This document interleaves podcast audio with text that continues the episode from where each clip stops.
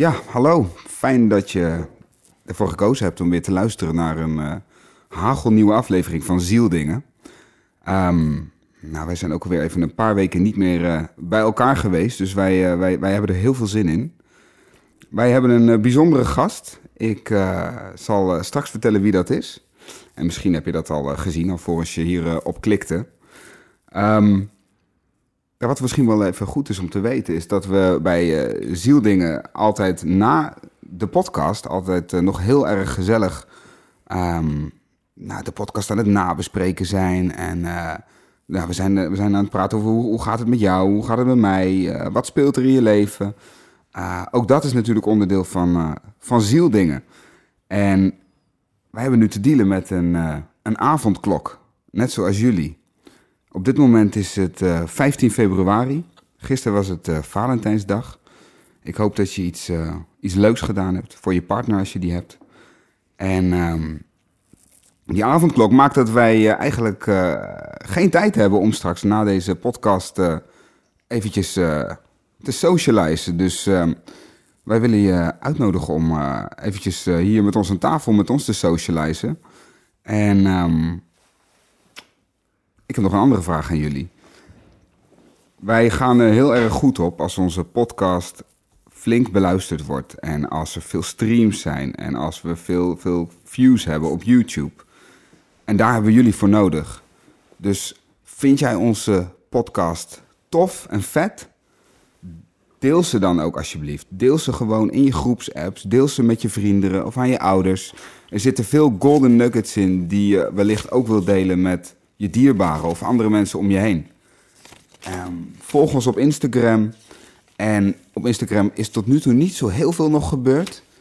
En daarbij wil ik ook uh, jullie vragen. Kijk, ben je toevallig heel goed in Instagram en wil je Zieldingen supporten? Dan um, laat het ons weten. En zou je het tof vinden om ons ook te zien in plaats van alleen te horen? Dan zijn wij ook nog op zoek naar iemand die het uh, leuk vindt om... Uh, om eventueel te filmen. En uh, mocht je ook nog kunnen editen, dan is dat ook van harte welkom. Um, nou, tot dusver even wat uh, huishoudelijke mededelingen.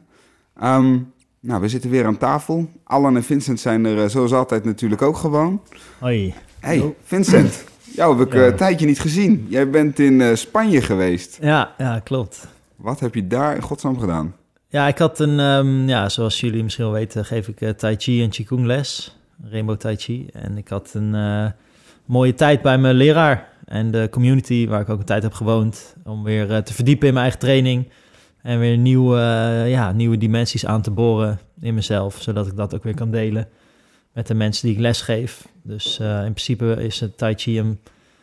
Ja, je kan er je hele leven mee doorgaan. Als je zelfs een heel bepaalde status staat bereikt... kan je ook in volgende levens doorgaan, zeg maar. Wow. Dus het is een practice die je nooit stopt. Je bent, al, je bent nooit klaar. Sommige mensen vinden dat uh, irritant, anderen vinden het juist heel erg mooi. En in geval in die categorie die dat mooi vindt. dus uh, ja, nee, ik ben lekker uh, ja, twee weken in Spanje geweest, 100% erin gedoken. Veel, veel geleerd. Het voelt als een, alsof ik echt ma ja, maand ben weg geweest of zo, omdat je zo diep in jezelf gaat. En, dus ja, zijn het dan ook hele lange dagen van heel vroeg opstaan en, eh, en laat naar bed? Of, Ja, je begint s ochtends vroeg met je eigen practice. Gewoon je Tai Chi practice. Je, ehm, het is een soort dynamische meditatie eigenlijk. En dat doe je dan in de natuur, weet je wel, bij de, nou ja, de opkomende zon. Of je begint eigenlijk als het nog donker is en dan langzaam komt de zon op. En dan uh, ga je daarna ontbijten, heb je daarna een, een, sessie met mijn leraar. Wat is eigenlijk een soort uh, interactieve lezing. En het gaat dan over een bepaald onderwerp. We hadden het nu heel veel, ging het over, noemen ze Ching Chi seksuele energie. En um, ja, dat, eh, weet je, sommige mensen denken van, oh ja, seksuele energie is alleen voor plezier. Of het is alleen om een kind te maken. Maar de Taoïsten hebben er ook een visie ervan. En, dat het zeg maar ook, je kan het, je hoeft het niet per se als man naar buiten te uh, laten gaan. Je kan het ook naar binnen laten stromen. En eigenlijk die hele stroom uh, je bewustzijn voeden. Dus je kan ermee je hartenergie voeden, je kan je hoofd ermee voeden, of je kan je spirituele aspecten mee voeden. Dus dan, um, ja, daar hebben we aandacht aan besteed, hoe je dat beoefent. En verder ging het ook over het um, afspraken nakomen met jezelf. Dus als je zeg maar dichter bij jezelf wil komen en je spreekt iets af met jezelf. Bijvoorbeeld, ik zeg, nou, ik wil graag vroeg naar bed gaan vanavond. En ik spreek dat af met mezelf en ik doe het vervolgens niet. Dan breek ik eigenlijk de, de, het vertrouwen met mezelf breek ik dan. En het lijkt iets heel kleins. Maar als je dat elke dag doet in allemaal kleine dingen, dan ben je eigenlijk jezelf. Um, ben een soort scheiding in jezelf aan het creëren. Wat op lange termijn kan leiden tot eh, het voelen dat je niet meer in connectie bent met jezelf. Dus door dat soort kleine dingen juist wel te doen, creëer je ook juist een vertrouwensband met jezelf. Daar ging het ook over. En uh, ja, elke dag heb je een ander onderwerp. Dus het is zoveel dat het gewoon, uh, ja, je, aan het einde van de dag schrijf ik heel veel op. En een gegeven moment heb je gewoon een half boekje volgeschreven met allemaal dingen. Vet. Ja, ja, het is echt heel vet. Dus ook weer heel veel golden nuggets gewoon daar. Ja, zeker. Heel veel. Het is gewoon bewustzijnsverwijding. het ging ook heel erg over dimensies. Het ging over waar we nu in zitten met de hele wereld. Want uh, ja, mijn, mijn, leraar is natuurlijk een, een Taoïst die altijd in tune is met nature. En hij zegt dat de natuur de mensheid eigenlijk een les van humbleness geeft. En in de natuur, alles voordat... Er is een nieuwe energie naar de aarde gekomen. Mm -hmm. En alles in de natuur, voordat het groeit en expandeert... als je een zaadje in de grond stopt, staat er heel veel druk op. En dan komt er eerst een soort contractie. Dus hij gaat dan heel erg samen. Maar die contractie is een teken van dat er groei aankomt. En wat mijn leraar zei, is dat de mensheid nu wordt gepusht in een soort contraction. Weet je wel, met de lockdown, iedereen moet naar binnen, avondklok en iedereen, alles staat onder druk.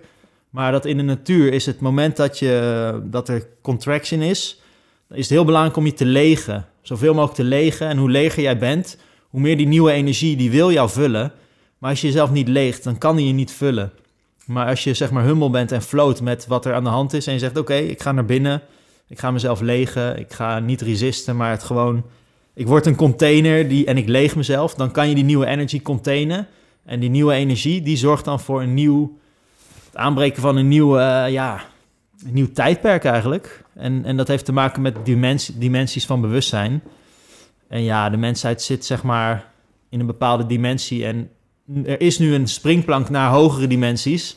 En daar gaat dan die training over van hoe kan ik zelf in hogere dimensies terechtkomen met mijn bewustzijn. En hoe kan ik, omdat ik zelf les geef, hoe kan ik mijn studenten dat ook leren. En het is heel, ja, het lijkt misschien abstract als je het zo hoort, maar er zit een hele kan praktische je, kant Kan je mij een uh, concrete tip geven hoe ik uh, in deze, nou, ik noem het maar even, transitie hè, van dat contractie naar, uh, Mm -hmm. het, ja. naar het nieuwe?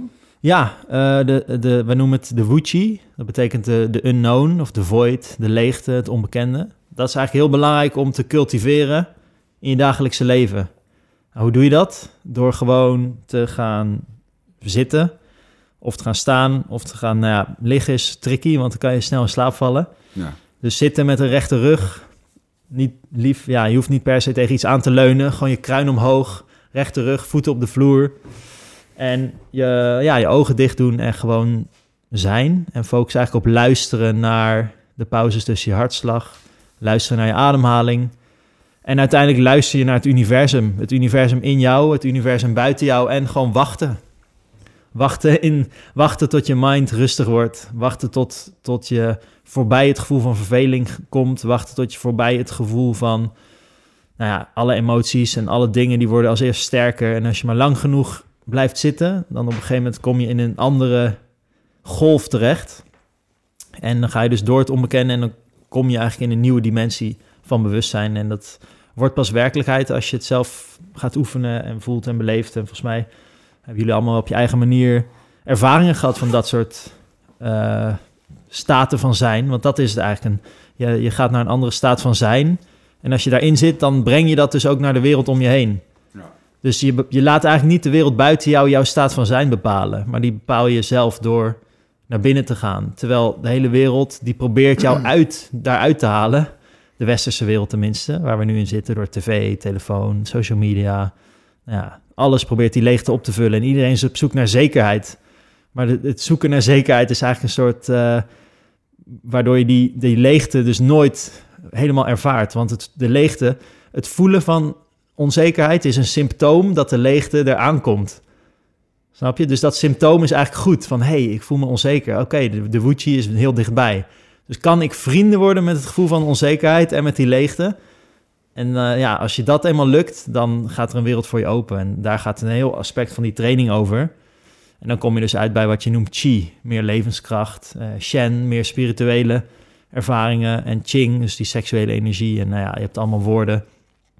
In, in, in Taoïsme hebben ze er allemaal woorden voor. En wij hier worstelen soms met woorden, omdat het woord is natuurlijk ook maar leeg iets. Maar als je het gaat ervaren, dan komt er wel meer betekenis, wordt dan aangegeven. Ja. Hoe is het dan? kan je het een beetje volgen? Ja, ik kan het helemaal volgen. En eh, voor de mensen die het niet kunnen volgen, eh, eh, luister de, de, de podcast van, eh, van Vincent, waarin hij eh, meeneemt in de wereld van Tai Chi, eh Qigong.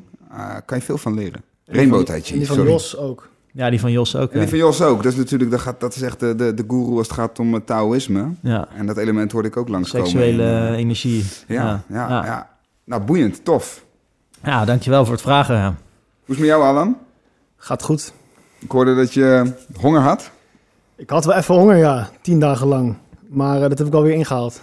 Want dan was Ik ben je, nu verzadigd weer.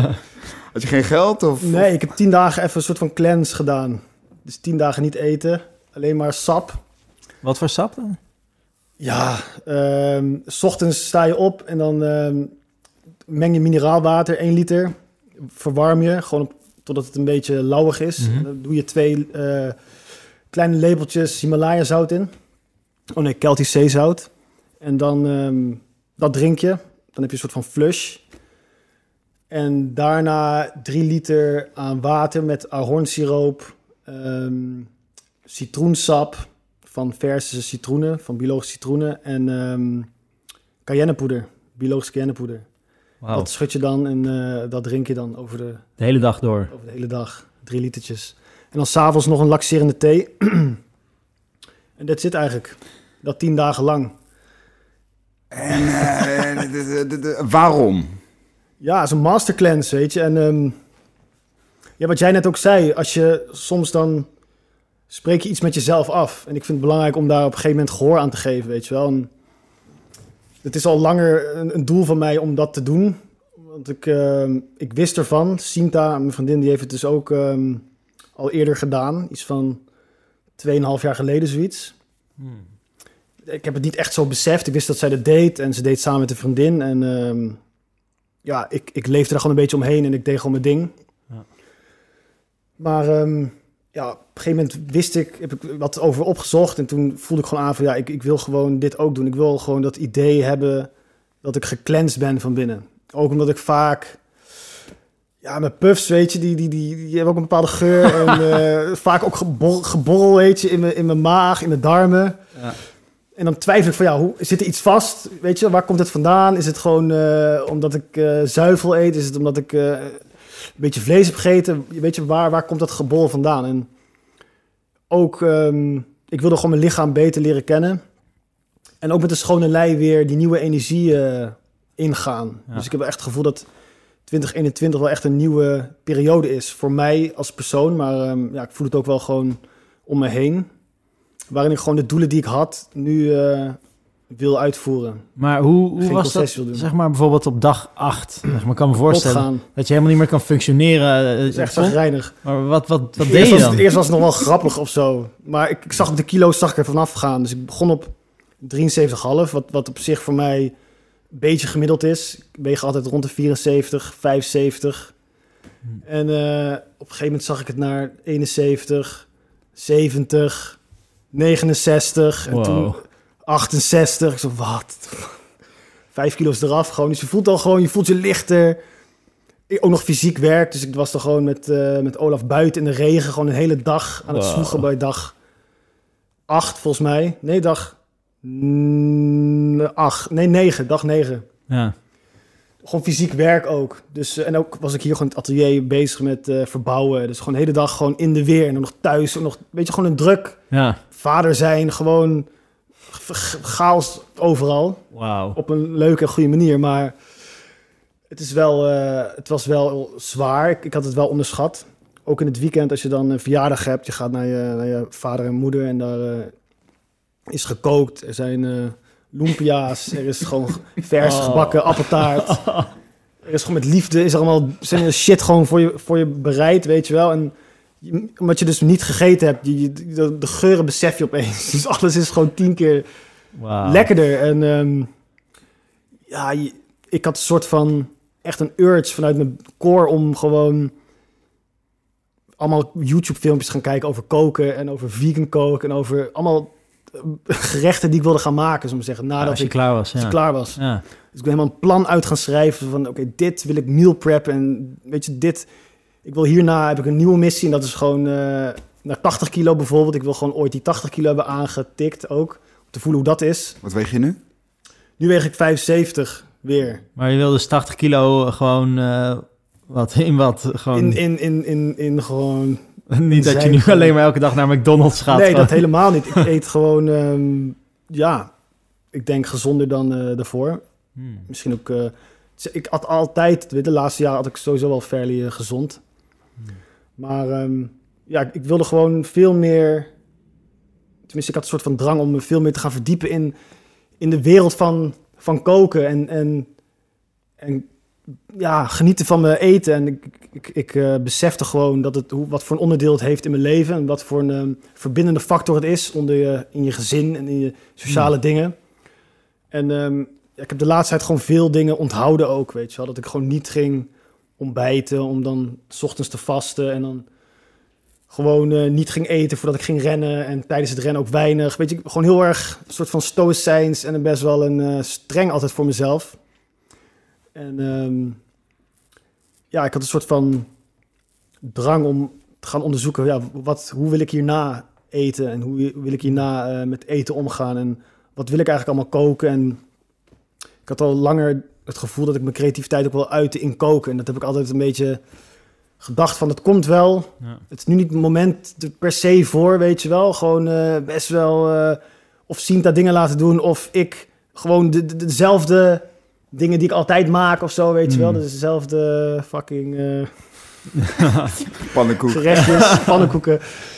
En nu ging ik gewoon ja, echt checken. Dat zat ik gewoon met honger, zat ik eh, s s'avonds eh, allemaal YouTube-filmpjes te checken en mee te schrijven en eh, gewoon te fantaseren van, oh, dit zou zo lekker zijn en ik wil dit en dit maken. En ehm, En heb Ja. je dan nu ook de behoefte om zeg maar puurder te eten? Zeg maar minder zout op je eten? ja, of, ja, wel goede zout, denk ja. ik. Of maar bijvoorbeeld dat je minder cravings hebt naar zoet? Of merk je dat ook? Dat je gewoon heb- zin hebt om in natuurlijke dingen of zo? Of? Dat, dat, dat wel.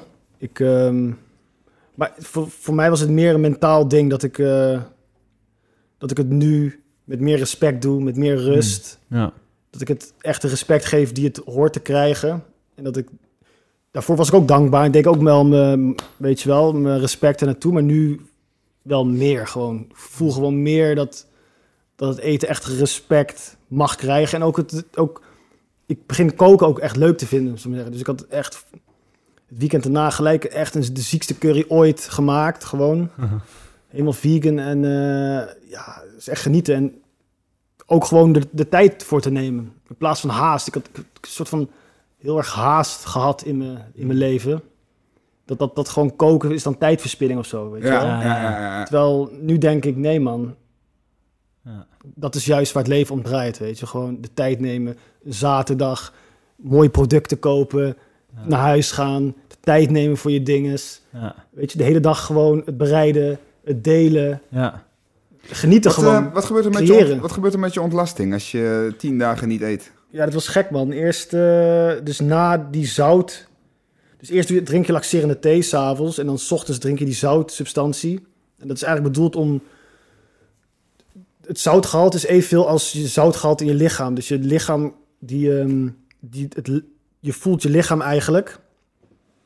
En die, ehm, die herkent het niet per se als drinken... maar meer als iets eh, wat van je lichaam is. Het gaat dus door je darmen heen... in plaats van dat, het, eh, dat je het uitpist. Dus... Daarom schoont het je darmen ook. Oké. En door die zoutkristallen, schijnbaar, dat, dat haalt het dan ook langs je darmkanaal. En dat neemt dan ook weer eh, dingen mee. Dus meestal na die zoutflush, een uurtje daarna, dan ehm, heb je dus een flush. Dus dan ga je zitten vaak en dan moet je ook snel. En dan, eh, ja, dan ga je gewoon zitten. En soms komt iets hards uit, maar vaak is het ook gewoon, gewoon niet hard.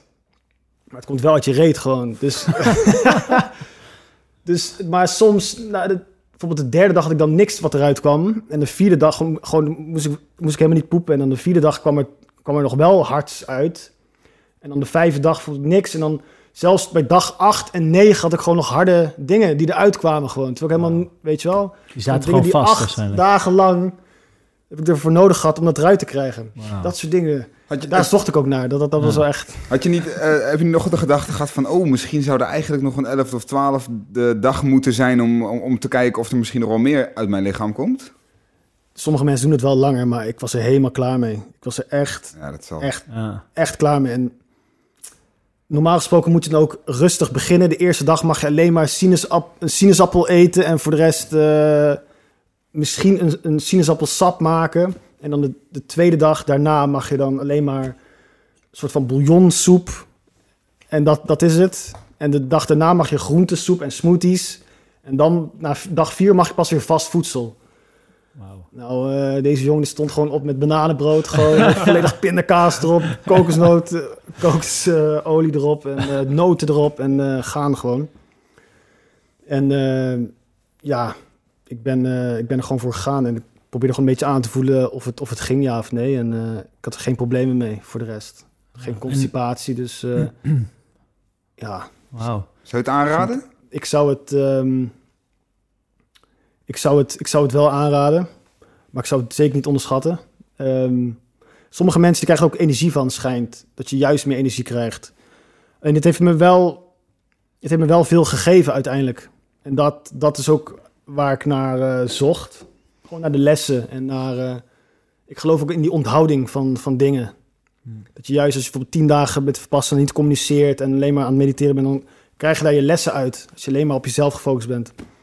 En als je tien dagen niet eet, dan krijg je gewoon... Je krijgt je lessen.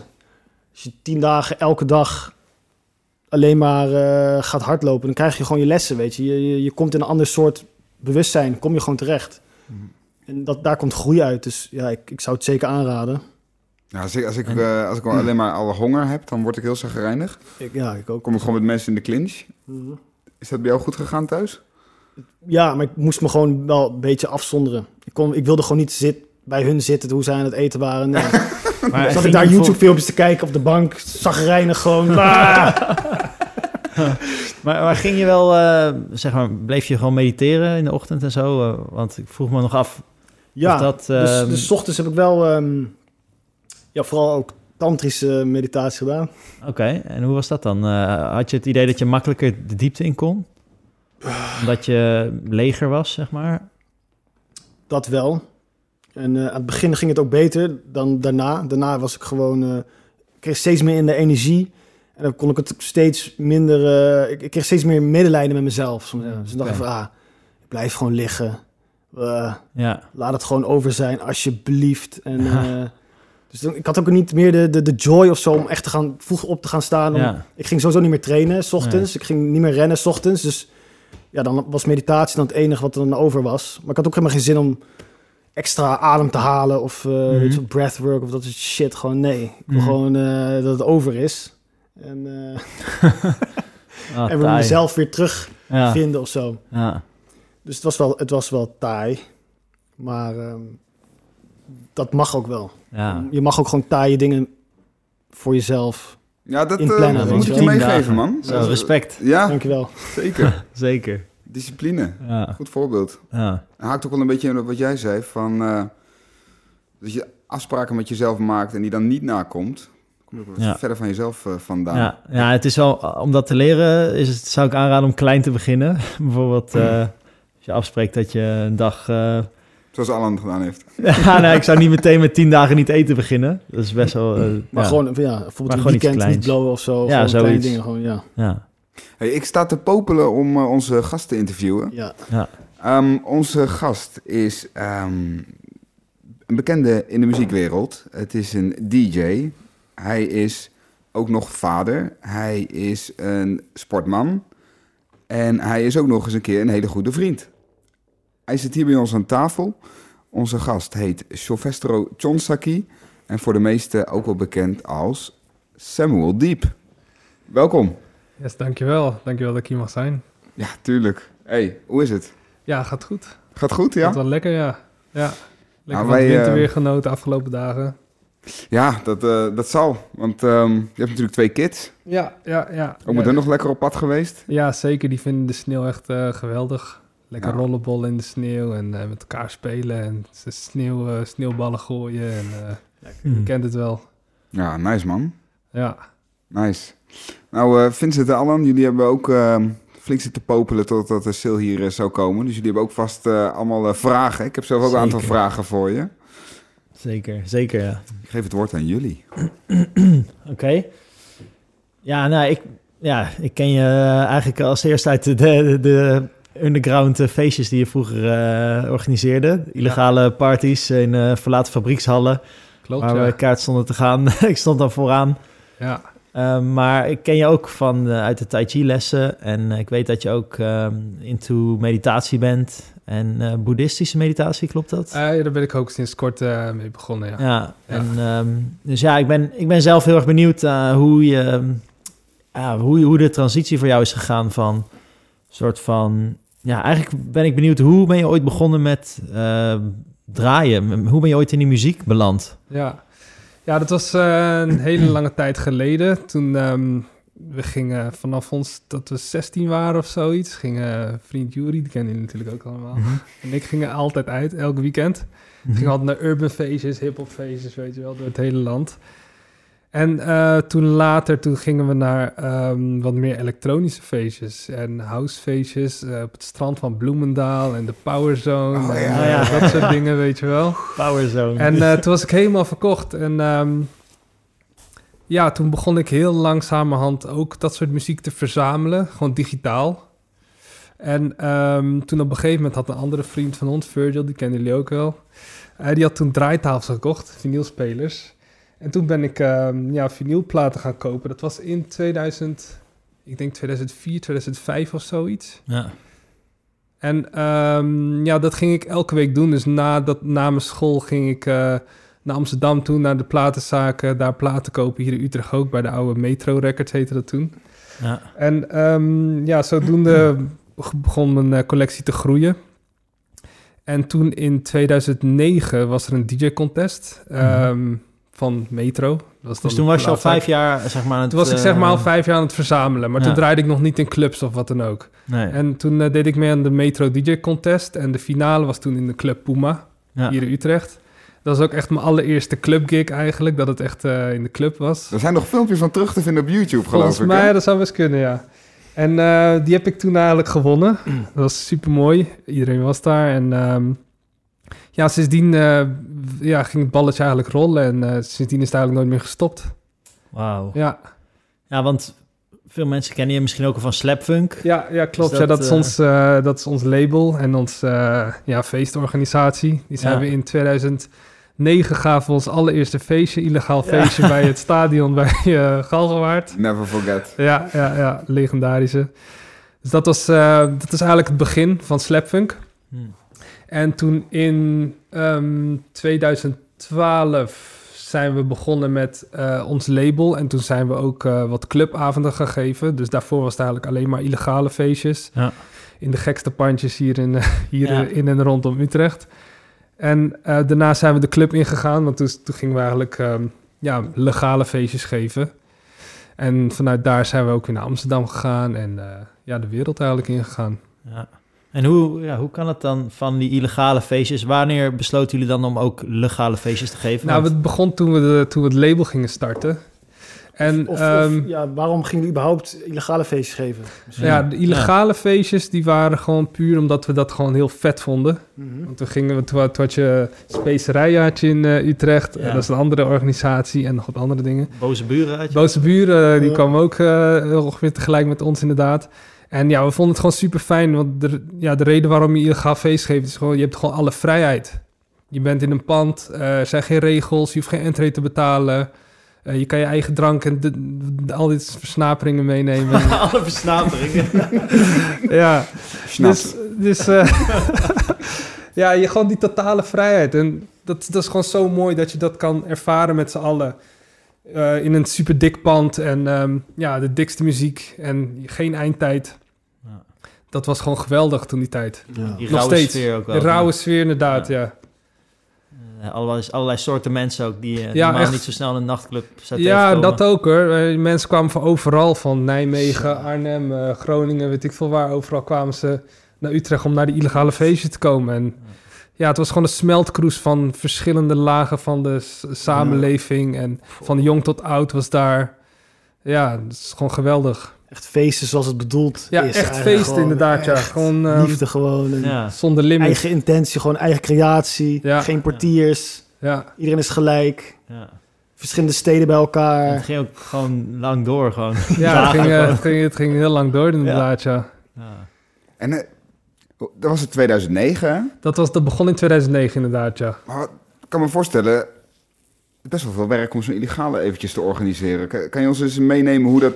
Hoe ontstaat een illegaal feestje? Ja, zeker. Ja, je begint natuurlijk eerst met locatie. Dus eh, ja, je gaat op zoek naar locaties. En eh, dus je gaat eh, Utrecht een beetje doorrijden, connecties opzoeken, kijken of die wat weten. En op een gegeven moment vind je een pand. En ja, dan... eh, Van een leeg pand. Een leeg pand, inderdaad, ergens op een industrieterrein. En ja, dan moet je naar binnen. Dus eh, ja, dan ga je gewoon naar binnen. Ik zou gewoon kraken, bij wijze van spreken. Soort van, ja, soort van. Ja, je, je zorgt gewoon dat je binnenkomt. En ja, je kijkt natuurlijk altijd eh, bij zo'n locatie van... Hey, ehm, kan de politie hier eh, makkelijk komen of eh, ben je safe? Want wij hadden wel altijd zoiets van... als wij een illegale geven, willen we gewoon niet gepakt worden. Ja, Dat is eh, tot op de dag van vandaag nooit eh, gebeurd. Dat we echt vroegtijdig moesten stoppen. En eh, dus je wilt wel echt zeker zijn dat het wel echt door kan gaan. En dat je gewoon safe bent. En dat, dat iedereen daar ook gewoon safe is. En dat je niet al om... bijvoorbeeld je begint om 11 uur... dat je al om 12 of 1 uur al eh, moet stoppen of zo. ah, alles Dus dat wil je niet. Nee. De fietsen moeten uit het zicht. de Fietsen auto's uit het moeten zicht, auto's uit het zicht het liefst en alles. Ehm, dus ja, daar ga je drank in kopen. Dat doe je dan bij de Sligro of de Hanos. Hanos heet het volgens mij toch? Ja. Ja. Ehm, ja, je regelt een busje, geluidssystem. We hadden toen eh, Mathieu altijd. En die, Oh had, ja, eh, ja. die was, die, die, die was ook gewoon part of the crew. En eh, die hielp ons altijd met alle technische gedeelten. En eh sound system, de draaitafels en alles. Nou, dat gooi je in de bus. En op de avond, op de dag zelf begin je daar... Ja, tegen na zes ongeveer begin je met opbouwen. En dan eh, om 11, 12 begin je eigenlijk. En dan komt iedereen binnenstromen. En dan is het nog de vraag van, ja, hoe ga je iedereen binnen, naar binnen loodsen? Dat is natuurlijk elke keer weer verschillend. Sommige locaties kunnen ze gewoon naar binnen komen, maar bij andere locaties moet je ze eerst naar een bepaald punt laten komen en daarna naar binnen loodsen, zeg maar, zodat het niet te druk is bij de ingang. Of dat je te veel movement ziet voor de ingang, weet je wel. Dus, eh, en ja, dan begin je. En dan kan je wel doorgaan tot eh, wanneer je wilt eigenlijk. Ja, geweldig. Ja, Oh, wauw. ik mis het wel, nu we er Ja. zo over praten, ja. Ja. Ja, hè? Ja, ja, ja. Kan je voor de luisteraars die nog nooit een illegaal feest hebben meegemaakt, of, of in die tijd of in deze tijd, kan je, kan je de luisteraar meenemen in, in het mooiste illegale feest wat je zelf hebt gegeven? Oeh, ja, dat, zijn, dat, dat, dat, zijn er, dat zijn er wel meerdere, maar de highlights waren toch wel... eh, we hebben één keer eh, de oude toren van Babel, midden, ja! midden in eh, Utrecht. Dat was eh Het 13... nieuwjaar was dat, geloof ik. nieuw hè? jaar, ja. Dat is 13, 13 verdiepingen hoog. Ehm we hebben alles... Ja, echt op de avond zelf, toen ben ik met Mathieu zijn we nog gaan rijden, want we wilden wat doen, maar we wisten nog niet precies waar. Toen zijn we op oudjaarsavond zijn we nog gaan rijden en toen kwamen we bij Toren van Babel en toen zijn we gewoon ehm, naar boven gegaan. Want toen stond het leeg. Toen zijn we in, hebben we ingebroken, zijn we naar boven gegaan en toen hebben we gekeken van, nee, kunnen we dit doen? En toen hebben we besloten van, oké, we gaan het gewoon doen. En toen hebben we eh, voor middernacht hebben we al alles naar, hadden we alles naar boven gebracht. We hebben nog wat andere mensen opgetrommeld. Ja, dat was veel werk, want dat was een, Ja. dat was een hartstikke hoge toren. Ja, dat is 13 verdiepingen hoog. Alles met de trap, alles Oh. tillen. Dus alle drank, eh, alle installaties, alles naar boven getild. En toen, ehm, die nacht hadden wij een eh, optreden bij eh, Krank. Dat was in de Veemarkthallen toen, een groot, groot Ah ja, feest. En daarna deden wij dan zeg maar een soort van after. Vanaf 6, 6 uur s ochtends ongeveer. Op de dertiende verdieping van de Toren van Babel. En het uitzicht over heel Utrecht. En het was eh, best wel koud. Dat is midden in de winter natuurlijk. Ja. ja. Maar eh, ja, de zon kwam op. En we stonden daar met z'n allen. En ja, dat was echt geweldig. Dus dat was al een van de highlights. En de andere was in, ehm, in een oude bakkerij op, eh, in Overvecht. Bij de. Autoboulevard. Van gehoord, ja. Ja, het was een, dat was niet een kleine bakkerij, maar het was zo'n huge bakkerij waar, weet ik veel, duizenden broden per dag gemaakt werden, weet je. Dus dat, dat waren hallen. Ja. Dus als je, als, je dat, als je dat helemaal zou vullen, zou het zou er denk ik iets van makkelijk 10.000 man in passen of zoiets. maar wat wij hadden gedaan, we hadden gewoon, je had zeg maar dat hele pand had je. Er waren drie supergrote hallen. Maar in het midden van het pand zat een soort van, ja, een soort van kamer, ehm, ja, een soort van ruimte. Maar met een best wel laag plafond en iets kleiner dan de, die andere hallen, zeg maar. Iets, iets meer cozy gewoon. Ja, iets meer cozy. En daar gaven wij dan eh, het feestje. En dat was, het was super heet daarbinnen ook. Het was, midden, was eh, midden in de zomer, op onze verjaardag ook. eh, rond augustus was dat. In augustus. En ehm, ja, toen was de politie, die reed daar ook voorbij. Maar die dacht van, nee, er zijn echt duizenden man binnen. Want er waren krakers, waren er, en weet ik wat allemaal. Er waren Maar die- allemaal op afgekomen. Ja, die waren allemaal op afgekomen.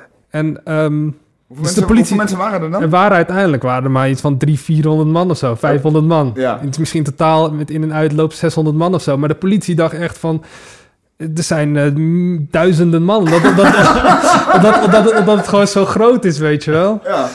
En eh, dus toen zijn ze niet naar binnen gekomen. En pas de volgende dag waren ze gekomen. Dat was om eh, drie uur 's middags of zoiets.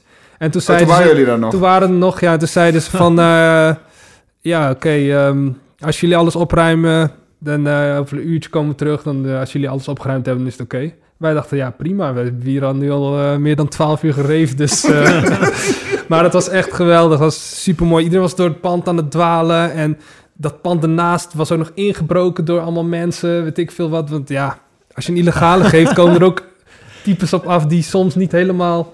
Ja, Andere intenties. andere intenties hebben inderdaad, ja. Maar het was niet ons het probleem dat, eh, dat het daar was ingebroken. Dus ja, dat waren wel een beetje de highlights. Vet. Ja, Heel vet. mooi. Ja, het waren avontuurlijke tijden, ja. Echt. Echt. Ja, vet. Zeker vet. En ehm, ja, ik heb wel een vraagje ook over hoe je zelf... ehm, zeg maar, eh, er waren, werd natuurlijk van alles gebruikt op die Ja. feestjes. En eh, ja, je kan er alles doen eh, wat je wil gewoon. Er zijn geen grenzen. Ja, Maar eh, ja, er liggen ook natuurlijk valkuilen op de loer. eh, weet je, verslaving. En, Zeker, ja. Het is natuurlijk een enorme kick krijg je ervan. ja.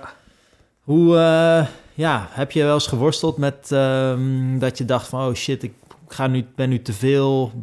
een soort van mezelf een beetje aan het afdraaien, zeg maar? Of hoe, ja, hoe Ja. was dat voor je? Ja, natuurlijk eh, in die tijd en ook de tijd daarna werd er natuurlijk... eh, in, in die scene wordt er sowieso heel veel gebruikt. Mhm. Eh, alcohol, drugs. ehm, ja, iedereen die eigenlijk wel naar die feestjes toe gaat, die gebruikt wel eens wat of regelmatig. Dus je zit er middenin. En ehm, ja, daar heb ik eigenlijk vanaf het begin middenin gezeten tot en met ja, de dag van vandaag nog steeds. En dat was een tijdje wel, ehm, ja, je gebruikte wel vaak natuurlijk, want ja, elke week is een feestje. Ja. En ik gebruikte zelf ook wel eens drugs, natuurlijk. Ehm, het is ook gewoon super leuk om met z'n allen los te gaan, naar feestjes te gaan.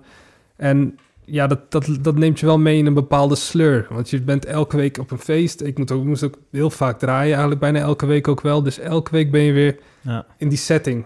En ja, dan is dat het heel moeilijk dat was om... dan ook niet één keer in de week natuurlijk. Nee, dat was niet één keer in de week. Het was soms meerdere keren per week. Dus de verleiding ligt er altijd. En eh, dat is op een gegeven moment ook wel... eh, ja, op een gegeven moment gaat het verder en verder en het blijft maar doorgaan. Want ja, elk jaar is er weer... eh, is er weer een nieuw jaar vol met feestjes. Ja. Het Dus, wordt alleen maar meer eigenlijk. ja, het wordt alleen maar meer, werden, ja. het wordt, ja. en ook in het buitenland natuurlijk ook. Want je komt ergens en ja, het wordt je altijd aangeboden. Ja. Weet je, dus de kans, de, ja, het is heel makkelijk om gewoon ja te zeggen en het te nemen. Ja.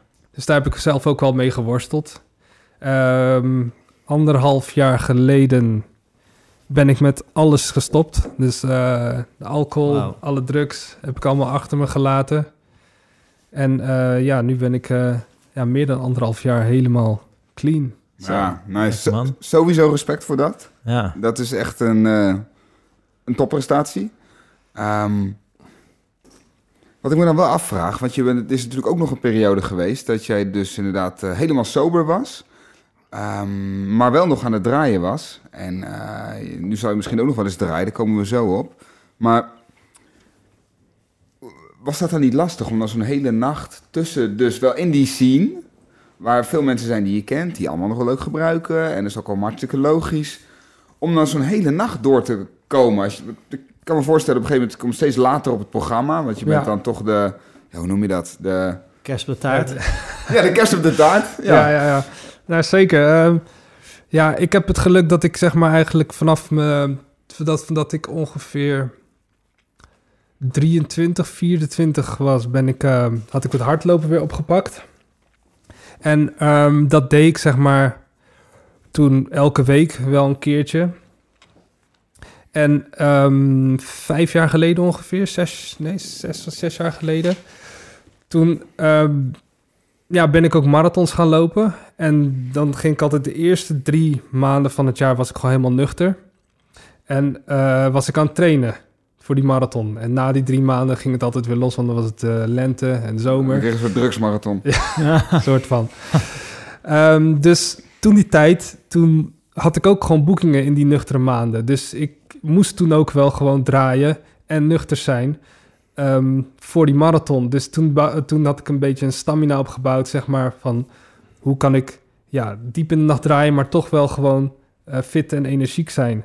En eh, ja, dat kwam zeg maar wel echt door, doordat ik zeg maar heel veel ehm, ja, aan het rennen was en dus mijn lichaam was daar gewoon gewend aan. Dus ik kon gewoon la- veel langer blijven staan zonder dat ik zeg maar echt iets nodig had. Hmm.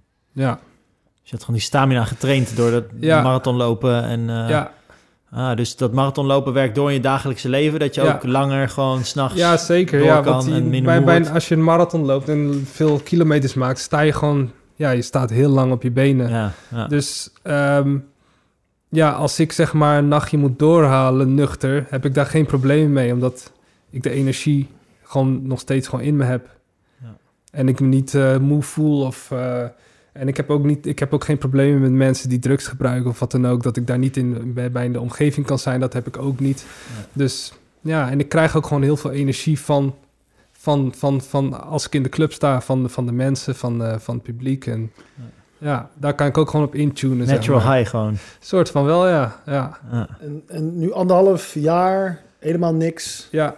En, en wat, wat heeft jou zo rigoureus doen besluiten om, eh, om gewoon straight edge, noemen ze dat volgens mij, ja. het leven te gaan? Eh, ja, het was, ik, wilde, ik wilde het eigenlijk al vanaf mijn dertigste doen. Mhm. Dus ik had, ik had een, ja, voor mijn dertigste had ik zoiets van, ik eh, zet een bepaald doel voor mezelf. Vanaf mijn dertigste ga ik gewoon in zelfleer, stop ik met alles. En ehm, ja, ga ik gewoon in een diepe zelfleer en ga ik mezelf beter leren kennen. En wil ik gewoon verder komen in mijn leven. En dat werd toen eh, mijn 31ste, want eh, dat- ik had het toen iets verlengd, zeg maar. Ja. Maar ehm, ja, ik gebruikte op een gegeven moment gewoon te vaak, te veel. En ja, toen was het gewoon voor mij van, nu is het wel echt gewoon klaar. En eh, toen ik dat, toen eenmaal die knop echt had omgezet in mijn hoofd, toen was het ook gewoon echt klaar. Maar daar ben je zelf gewoon mentaal sterk genoeg voor dat je gewoon zegt van nee, gewoon punt, gewoon nee. Ja, en want het, het zat natuurlijk altijd al in mijn hoofd dat ik dat wilde. Ja, En het, het was gewoon de vraag van wanneer gaat dat punt zijn? Mm. Wanneer ga ik voor mezelf dat punt echt Ja, zetten? Echt ja. de streep erachter zetten en voor de nuchtere kant van het leven gaan. precies. En dat was eh, toen die tijd, ja. Sterk. Ja, Zeker, echt super eh, inspirerend. En ehm, ik had ook nog een vraagje over je ehm, soort van transitie van... Want op een gegeven moment, ik kende je van de illegale feestjes en zo. En toen op een gegeven moment ben ik zelf eh, naar Engeland gegaan, weg uit Nederland. En op een gegeven moment stapte ik een keer in het vliegtuig. Was een keer een weekendje weer in Nederland. En toen ging ik weer terug naar Engeland. En in één keer zat jij in hetzelfde vliegtuig. ja klopt, ja. Terwijl ik je gewoon kende van die illegale feesten. Ik zei, hè, wat ga je doen? Jij zei, ja, ik ga draaien in... eh, waar was dat? Bristol of, of ja, Manchester zoiets, of zo? zoiets, ja. Ergens Of in de Manchester, UK. geloof ik. Ergens in UK. En ik zo, wat, hè? Wat dan? En jij zo, ja man, eh, ik was, toen was ik in Berlijn en eh, Ja. toen in Ibiza. en ik zo, wow, weet je wel. Deze man is gewoon van de illegale, ja, illegale kraakpanden naar gewoon Europa gegaan. En dit was al echt alweer jaren geleden. Ja, klopt, ja. Maar wa wat was dan het punt dat dat gebeurde? Ja, dat Hoe was in, dat was in ehm, ja, we waren als label gestart in 2012. En daar had ik ook een, ehm, ja, daar released ik zelf ook muziek op. En, eh, Want je produceerde zelf ook muziek. Ja, ik produceerde zelf ook. En ja, dus we waren ons eigen label gestart en dat liep supergoed in het buitenland. Hmm. En dus we kregen, we kregen veel ehm, ja, aandacht vanuit eh, Duitsland, eh, Maar werd het dan opgepikt door andere DJ's? Die gingen ja, jullie ook. Ja, die gingen draaien? tracks draaien. Dus- en ja, je, als je iets release, je hebt natuurlijk eh, mensen of- eh, vanuit de hele wereld die muziek verzamelen. Ja. En eh, zodoende ging het balletje ook in het buitenland rollen. En toen werd, was mijn allereerste boeking was in Middlesbrough. Wat, eh, dat was in, eh, in de UK en het was in 2014 volgens mij. Ja, 2013 of zoiets. Een Hoe- jaartje nadat we het label waren Hoe gestart. ging dat voor de eerste keer? Ja, het ging heel stroef, want eh, ik had gelukkig had ik eh, Onno en eh, Virgil bij me. Die kennen jullie misschien ook wel. Ja, ja, ja. Maar mijn Engels, ik, ik kan best wel Engels praten hoor. Toen vroeger ook wel, maar ik, we waren daar in de UK en daar praten ze echt zo met een accent, Ja, weet ja, je wel. ja. In Middlesbrough, dus ik verstond echt bijna niks. En ik kon me ook nog niet heel goed verstaanbaar maken in het Engels, zeg maar. Dus ik dacht, toen ik terug was gekomen, dacht ik... Ik had echt een geweldige tijd gehad, daar niet van. Maar toen ik terug was gekomen, dacht ik echt van... Oké, ik moet nu wel echt mijn Engels even gaan upgraden, want eh, Ja. anders gaat dit gewoon eh, lastig worden. Dus toen ben ik... eh, ja, films met alleen maar Engelse ondertiteling gaan kijken, veel Engels gaan lezen. Ja. En nu is mijn Engels gewoon on point, want ja, ik heb dagelijks te maken met mensen uit het buitenland. Dus Ja. ja, echt Engels, Engels. Het was wel echt een hele mooie ervaring hoor. De, de eerste keer naar het buitenland vliegen en ja, daar dan mogen draaien voor een, eh, ja, een toch ander, ander publiek dan dat je normaal draait. Hoe was het dan? Gingen, gingen de mensen los? De ja, het van in ging, een ander ging land? zeker los. Al- ja, Engelsen gaan sowieso meer los dan, eh, dan hier in Nederland. Ik Oh, hou van Engeland. Ja, ja, Engeland. Fucking hell. Ja, fucking heel. Geen grenzen, jongen. Ja. Oh. Engeland is geweldig om te En, draaien. Het gaat altijd heel los. Heel veel liefde vanuit het publiek ook. En ehm, ja, je wordt super goed ontvangen. En ja, de clubs zijn ook geweldig waar je in draait vaak. Want hoe pikken de Engelsen het op, zullen we maar zeggen? Is het dan ja, via... Is het online vooral? ja, gewoon? het is, het is veel online. Soundcloud of zo. Soundcloud, Soundcloud? eh, Soundcloud vooral. Ehm, ja, je hebt allemaal forums natuurlijk. En, ehm, Of is het ook via de DJ's gewoon die, die jullie... Ja, eh, dat ook. ja. Dat ook. Kijk, als, als een, bijvoorbeeld een DJ een plaat draait van ons... Ja. en eh, de tra- de- de- iemand eh, zet zet eronder wat de ID is, zeg maar... Ja. ja, dan komt, komt het ook weer bij ons terug. Precies. Hmm. En dan is de kans dat je wordt geboekt omdat iemand dat... Ja, ja, ja, zeker, ja. Ah. Dus ja, zo gaat het balletje rollen... en die hoort dan weer van die en die van die. En Ja. ja, dat, Dus- gaat, dus dat, kan, dat gaat heel snel. Dus zodoende ben je dan vanuit Middlesbrough en daarna Ja. was het Ibiza ook, geloof ik. Ja, want dat, was toevallig in, in Middlesbrough had ik toen gedraaid... Ja, En die gast eh, die het mij had geboekt, ehm, zijn, zijn een van zijn beste maten, die was de boeker van de Zoo Project in Ibiza. ah, oké. En die had toen tegen, tegen die boeker van de Zoo Project gezegd van... hey, je moet Samuel Diep echt, echt even gaan boeken in, Ja. eh, in Ibiza. Ja. En de zomer daarna die st- stond ik voor de eerste keer op Ibiza. Ah, en toen eh, hebben ze mij ehm, aangeboden om resident te worden van de club. Vet. En eh, toen wilde ze ook mijn boekingen doen. Toen zei ik van ja, eh, prima, let's go. En toen stond ik ja, elk jaar vier keer in Ibiza. In, in, van- in de zomers, ja. Hoe vet Dus was dat? dat? was Ja. echt, eh, dat Ja. waren toptijden, ja. Ja. Dat was echt Iedereen mee en vrij ja. leven. Ja, en toen, want je bent ook wel eens naar Costa Rica gegaan, toch? En festivals. En daarna ja. is het zo, als je eenmaal een bepaald punt bereikt, dat je dan steeds, dat het steeds makkelijker wordt of zo? Of? Ja, nee, als je een bepaald punt, als je zeg maar op dat punt komt, dan heb je een bepaalde be- bekendheid natuurlijk. Mhm. En eh, ik heb natuurlijk ook geluk dat, dat, dat, dat, eh, dat we Slapfunk runnen. Ja. Met de crew, dus dat staat ook naast mijn naam, zeg maar, weet je. Ehm, maar ja, het balletje rolt gewoon heel, gaat heel snel. Ja. Ja. Jullie hebben nu je eigen tent ook in Amsterdam, toch? Of, eh, Eh, nou, niet, ik heb niet mijn eigen tent, maar eh Joch, Joch die, die zit bij Lofa inderdaad, in Amsterdam. En eh, ja, een hele geweldige plek. ja. Helaas is het, eh, is het nu gesloten, maar wanneer het weer open gaat, gaat het zeker los. Ja. Daar. Daar, daar heb je ook al gedraaid. Ja, ja, Meerdere keren, denk ik ja, wel. ja, klopt, ja. Hey, en en, en eh, ehm, we hoorden het even Engeland, ik hoorde even Costa Rica tussen neus en lippen door. Ja, Neem ons eens mee in de meest verre, bizarre landen waarvan we nooit gedacht hadden dat jij daar ooit zou komen. eh, Dubai, Palmeiland. ja, dat, dat Dubai, echt recht op het Palmeiland, daar heb ik gedraaid. dat is wel echt, eh, ja, dat was, dat was wel een mooie ervaring. Hoe ging dat dan? Wat, wat was dat? Was dat wel een club? Ja, het was gewoon een een club? beachclub. Het was een beachclub. Oké. Want je kent het Palmeiland, ken je wel, toch? Ja, ja, van... eh, En daar, ja. daar, ja, daar heb je echt dat punt, op dat punt heb je Atlantis de Palm. Oké. En daar eh, was dan ook een feestje van de Zoo Project van Ibiza. Die deed dan daar zeg maar ook een feestje. En eh, ja, dus toen werd ik ingevlogen en werd, werd ik opgehaald en eh, dikke Mercedes stond daar en ik, ik mijn eigen tas pak om erin. Hij zegt nee, nee, nee, nee. Eh, pak, pak die tas op en echt zo'n butler ja, zo'n butler inderdaad. Ja. Helemaal naar het hotel gebracht en toen sliep ik daar in Atlantis de Palm en dat is echt een heel dik hotel. Wauw. En toen deed ik mijn deur open en dan zie je de, de, de, de skyline van Dubai en dat zijn wel hele mooie dingen. Ja, dat Is is je alleen wel, dan eh, daar? ja, het was ik alleen, ja. Wauw. En dat is een dik waterpark Wow. ook en de volgende dag, eh, de hele dag in het waterpark daar... eh, En hoe, hoe, hoe lang blijf je op een plek eh, rondom je gig, zeg maar? Ja, dat verschilt. Zoals in- toen ik in Dubai was, toen kwam ik om, op donderdag aan en ging ik volgens mij eh, zaterdag terug. Ehm, ja, maar vaak is het gewoon op de dag dat je moet draaien, kom je eraan. En de dag daarna ga je weer terug. Dat is vaak voor Europa boekingen. Maar het kan ook zijn, ik heb ook een eh, tour in Japan gedaan. En toen was ik eh, daar een weekje. Eh, dus dan blijf je wel wat langer.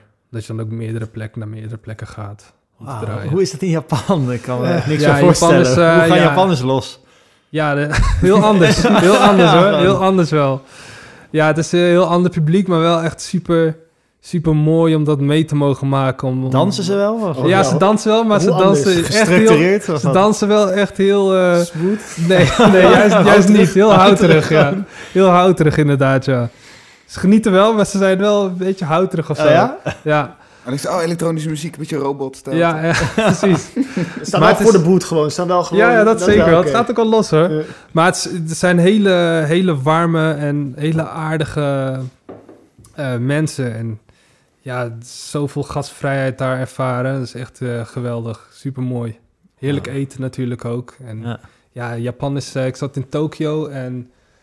ehm, ja, het was gewoon geweldig. Heel mooi. Wauw. Ja, Wanneer was dit dan? Hoe- Dit was, in, dit was in 2019 was dit. Oh, vet. Ja, Je hebt toen vast momenten gehad dat je dacht van... Wow, dit, Wat ik ben hier gewoon. Ja, ja. Ja, Wow, zeker, ja. Kijk, kijk mij gewoon. Wat? ja. Je bent ook in eh, Rusland geweest, toch? Moskou ook één keer geweest. Ja. Klopt, ja.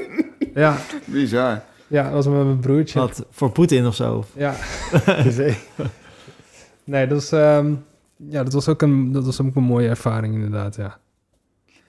Zo. Want jouw broertje, Julian, die draait ook. Ja, klopt, ja. Dat was toen eh, bij die illegale in eh, 2014 of zo, eh, in die bakkerij. Dat ik Julian, nee, niet 2014, dat was veel eerder. Dat was eerder, dat is tien jaar 2010 of zo, geleden. 2010 was dat, ja, 2010. Ja. Toen had ik hem voor het eerst meegenomen, toen was hij 14 jaar. toen was hij 14 jaar, toen had ik hem meegenomen naar die illegale. En eh, hij, hij met ons ook gewoon... eh, Dat kan heel verkeerd uitpakken, maar dat dat, kan is- heel verkeerd uitpakken, maar dat is goed uitgepakt. Hij had wel gebloot. Ik zei tegen hem van, je moet niet blowen. Toen die tijd blowde af en toe. Zei ik tegen hem van, je moet niet gaan blowen. Want dan, weet je, je bent nou op een feestje, dan moet je wel gewoon je energie hebben. Had gebloot, dus zat hij op een gegeven moment ergens zo. Ging die oud gewoon? nee, niet oud, niet oud, dat niet. Maar hij was stoned. Ja. Dus toen heb ik hem naar huis laten brengen ook. Maar eh, dat, dat, dat was zijn allereerste ervaring. Het was ook al heel laat toen. hè. Hij was Ja. ook maar 14 pas. Ja, ja. Dus eh, het was wel genoeg geweest om eh, zes uur 's ochtends. ja. Ja, wat, wat, lu- wat jullie misschien niet weten, ehm, is dat eh Julian is natuurlijk ook onderdeel van Zieldingen. Hij is de geluidstechnicus die, eh, die, die dit straks voor ons gaat monteren, zodat jullie het kunnen horen. Ja. Maar dat is slechts een toevalligheid, dan weet je dat. Ja, dus eh, dat was de, eigenlijk de allereerste keer dat ik hem meenam naar een feestje. En toen op een gegeven moment heb ik hem een beetje eh, muziek leren maken. En toen is hij helemaal zelf op een gegeven moment daarin zich gaan ontwikkelen. In het begin maakte hij alleen maar hip-hop. Daarna begon hij ook echt house te maken. En eh, ging hij ook wat vaker mee naar feestjes. En op zijn zeventiende, vol- volgens mij, eh 17 of 18 had hij al zijn eerste release ook.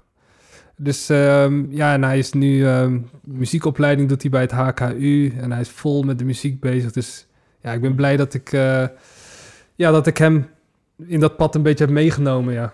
Wat is zijn DJ-naam ook alweer? Julian Alexander. Juist. Maar jullie zijn ook eh, een duo, toch? Ja, Igni samen, Visions? samen eten we Ingy Visions, ja. Visions, Ja. ja. vet.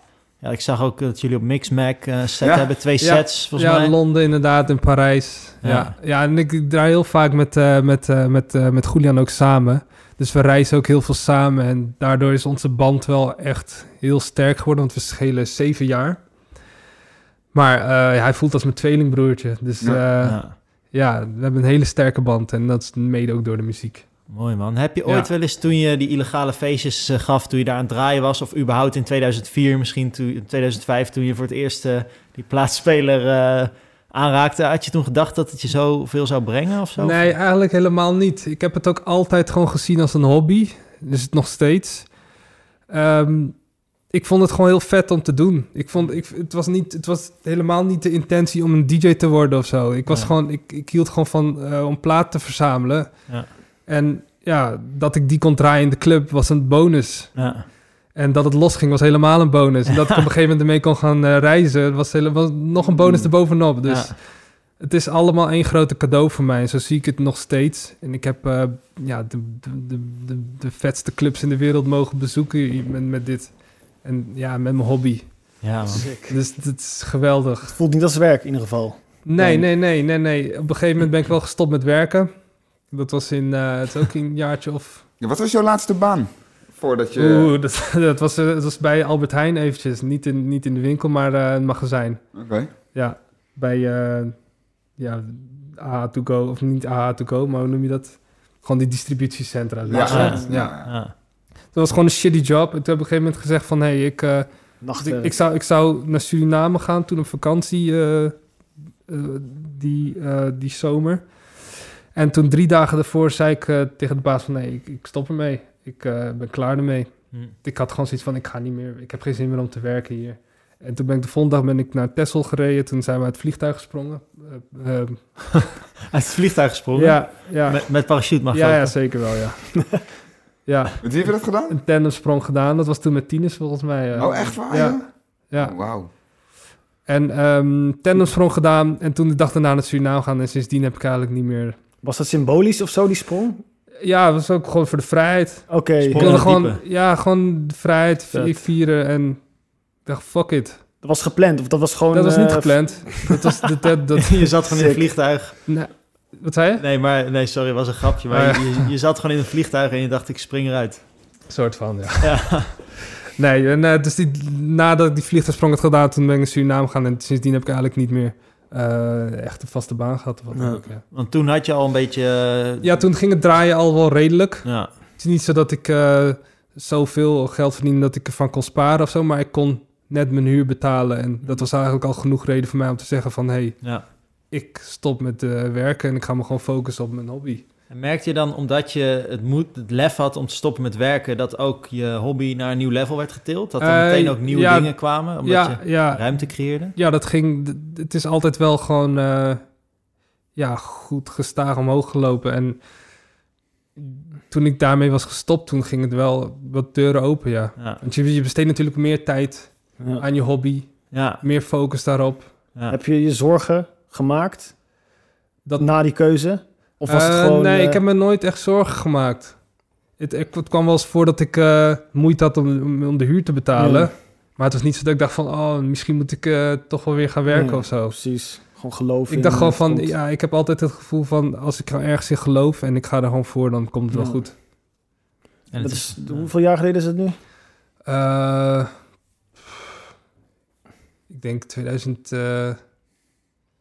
2016 of zoiets. Eerder misschien zelfs. Misschien 2000, ja.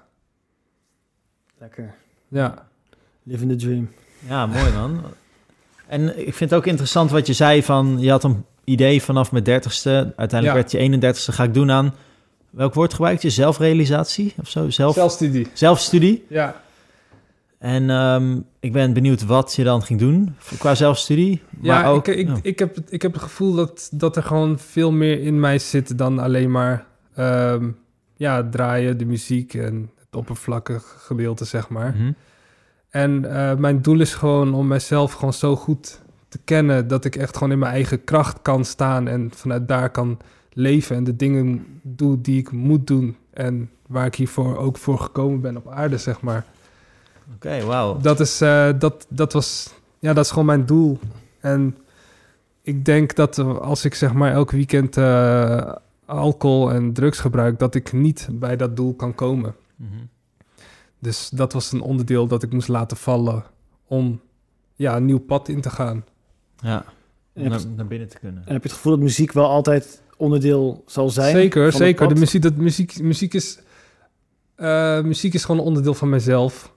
En het kan zijn dat dat op een gegeven moment weg zal vallen. Bijvoorbeeld dat ik geen boekingen meer heb of wat dan ook. Maar ehm, dan zal ik nog steeds eh, muziek blijven zoeken Mhm. en muziek blijven maken. Want dat is iets van mij, dat is mijn hobby. Ik ben benieuwd, toen jij een kleine jongen was, een kleine Sil, was jij toen ook met muziek bezig? Of totaal nee, niet? eigenlijk Of helemaal niet. Wilde Echt. je ooit iets met muziek doen? Of was het, Nee, nee, nee. Ik, iets anders doen misschien? nee, ik ben niet muzikaal opgevoed. Ik ehm, was toen ook helemaal niet echt met muziek bezig. Dat is eigenlijk echt pas gekomen sinds ik eh, ja, naar clubs ben gegaan en Ja. in aanraking kwam met elektronische muziek, zeg maar. ja.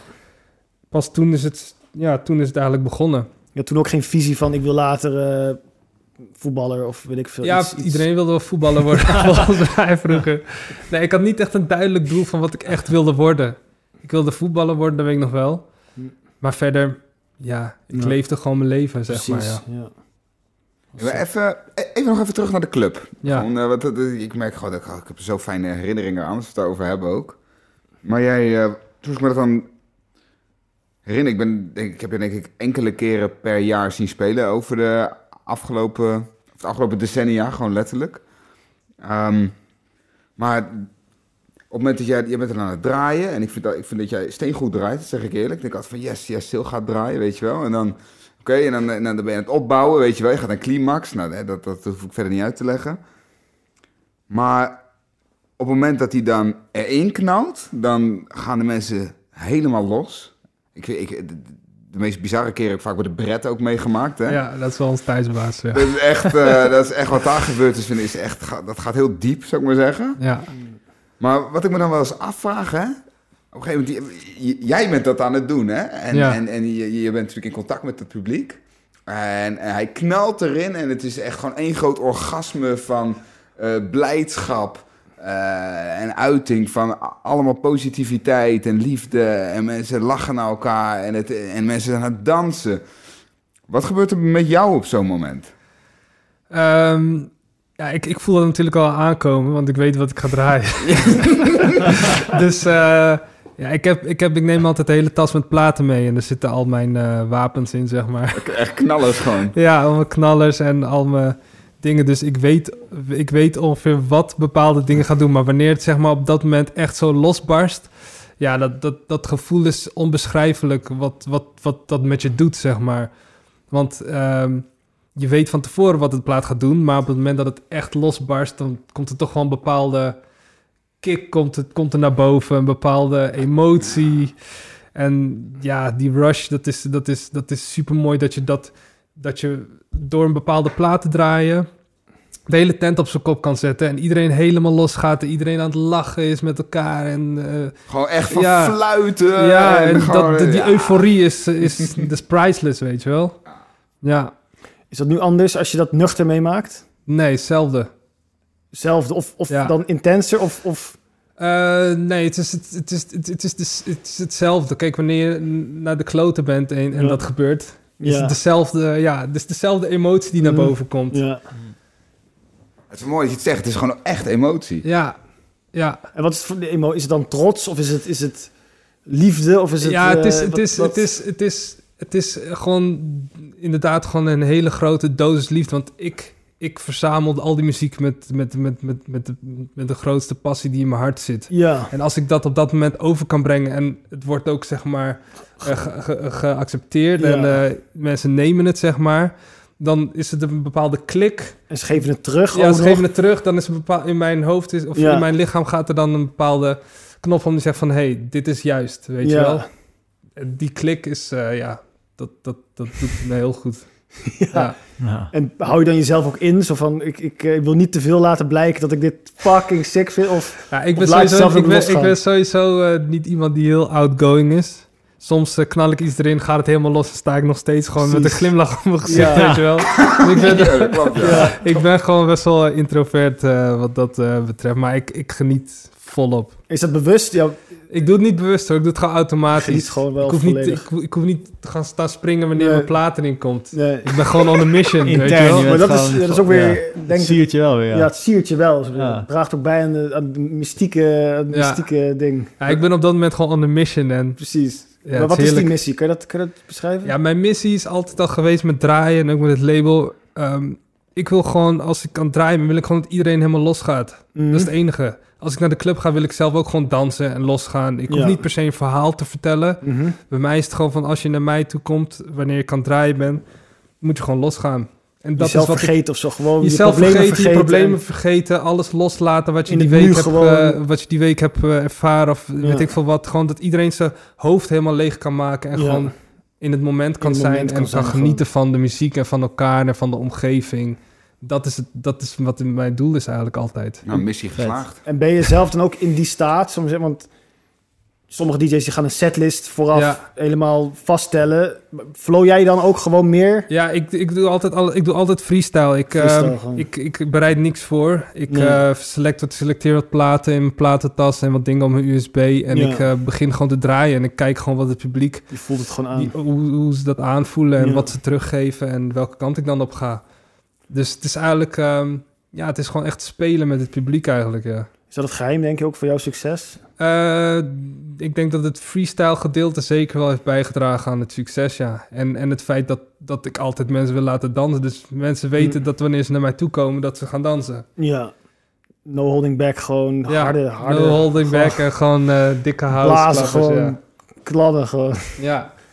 En ja, ja, wat vind je het mooiste eigenlijk aan, aan, aan, aan DJ zijn? Kan je dat?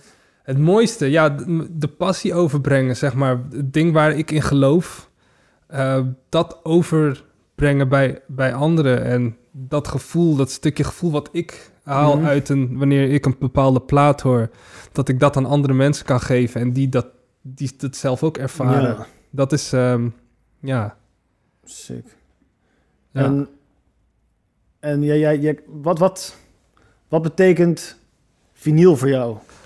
Ehm vinyl betekent heel veel voor mij. Dat is echt een beetje de start geweest van... Ja, hoe ik zeg maar echt in de, in de diepere lagen van, van de elektronische muziek ben gegaan. Je hebt natuurlijk heel veel muziek dat ehm, niet op mp3 te krijgen is, maar alleen op vinyl. Mhm. En ja, naar die dingen ben je natuurlijk op zoek. En als je die dingen vindt, heb je vaak...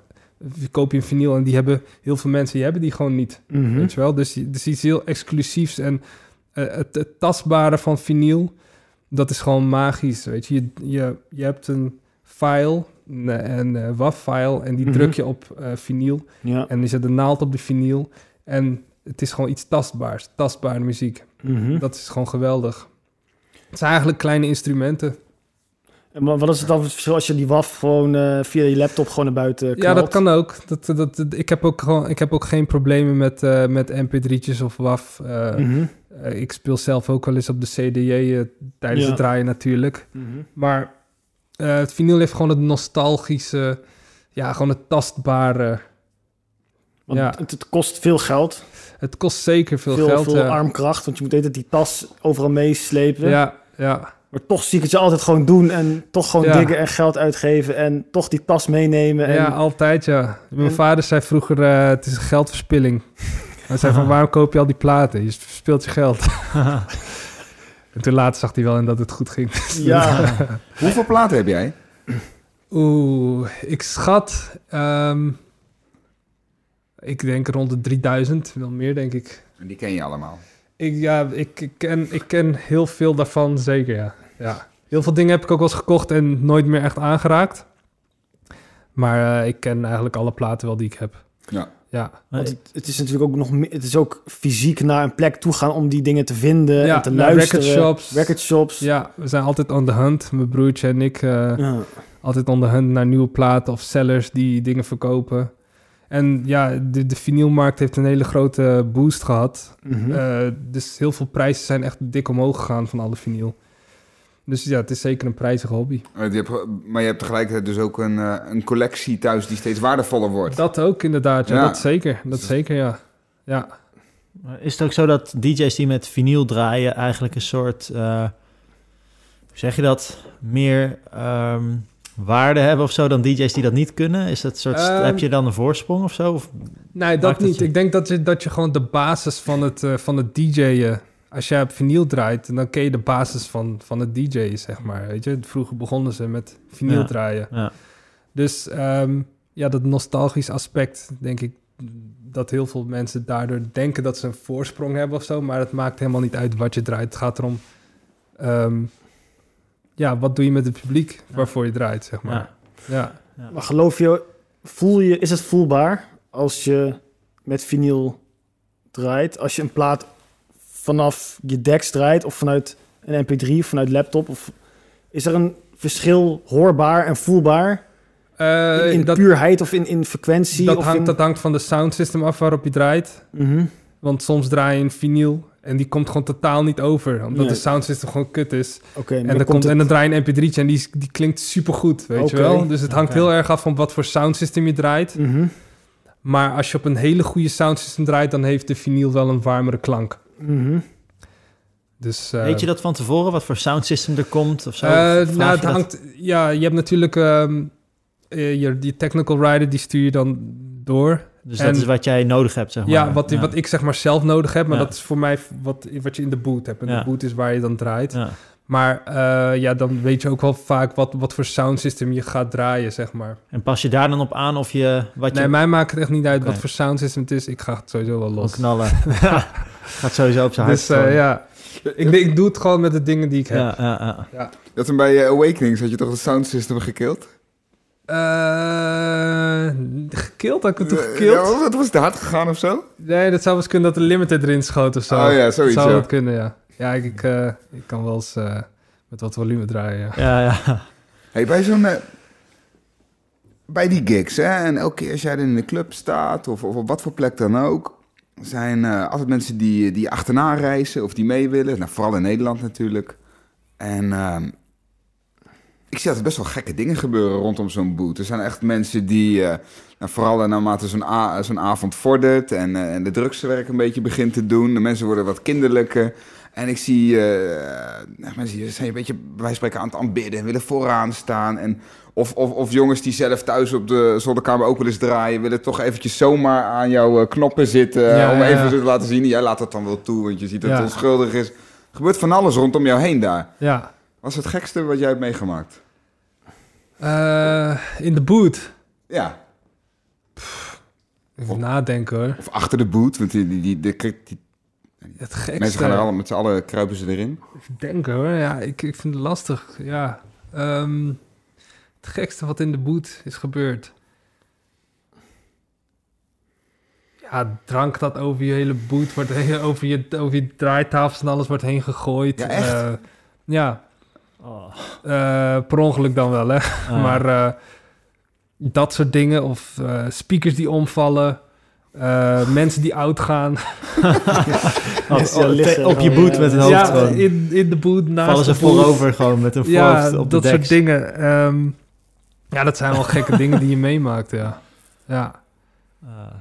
Ja, ik, ehm, ik ben ook nog even benieuwd, want je zei net ehm, een stukje terug ook over je... Dat, de, had je het over de reden waarom ik hier in het leven gekomen ben. Ja, Eh, Maar daarna had je het ook over de re- als je draait, dat je ook een soort missie hebt. Van ik ben Ja. op een missie om Ja. mensen eh, los te laten gaan, om zodat ze dingen kunnen loslaten om helemaal te legen. ja. Is dat ook de missie waarom jij voelt dat je hier gekomen bent in dit Eh, leven? Of ik is denk dat... dat... het zeker een missie is, hoor. Dat ik... eh, ja, dat, ik denk dat, dat het zeker wel een onderdeel is van, van mijn levenspad. Hmm. Eh, men, ik, ik, ik zou gewoon graag mensen willen helpen en mensen iets kunnen geven eh, in dit leven.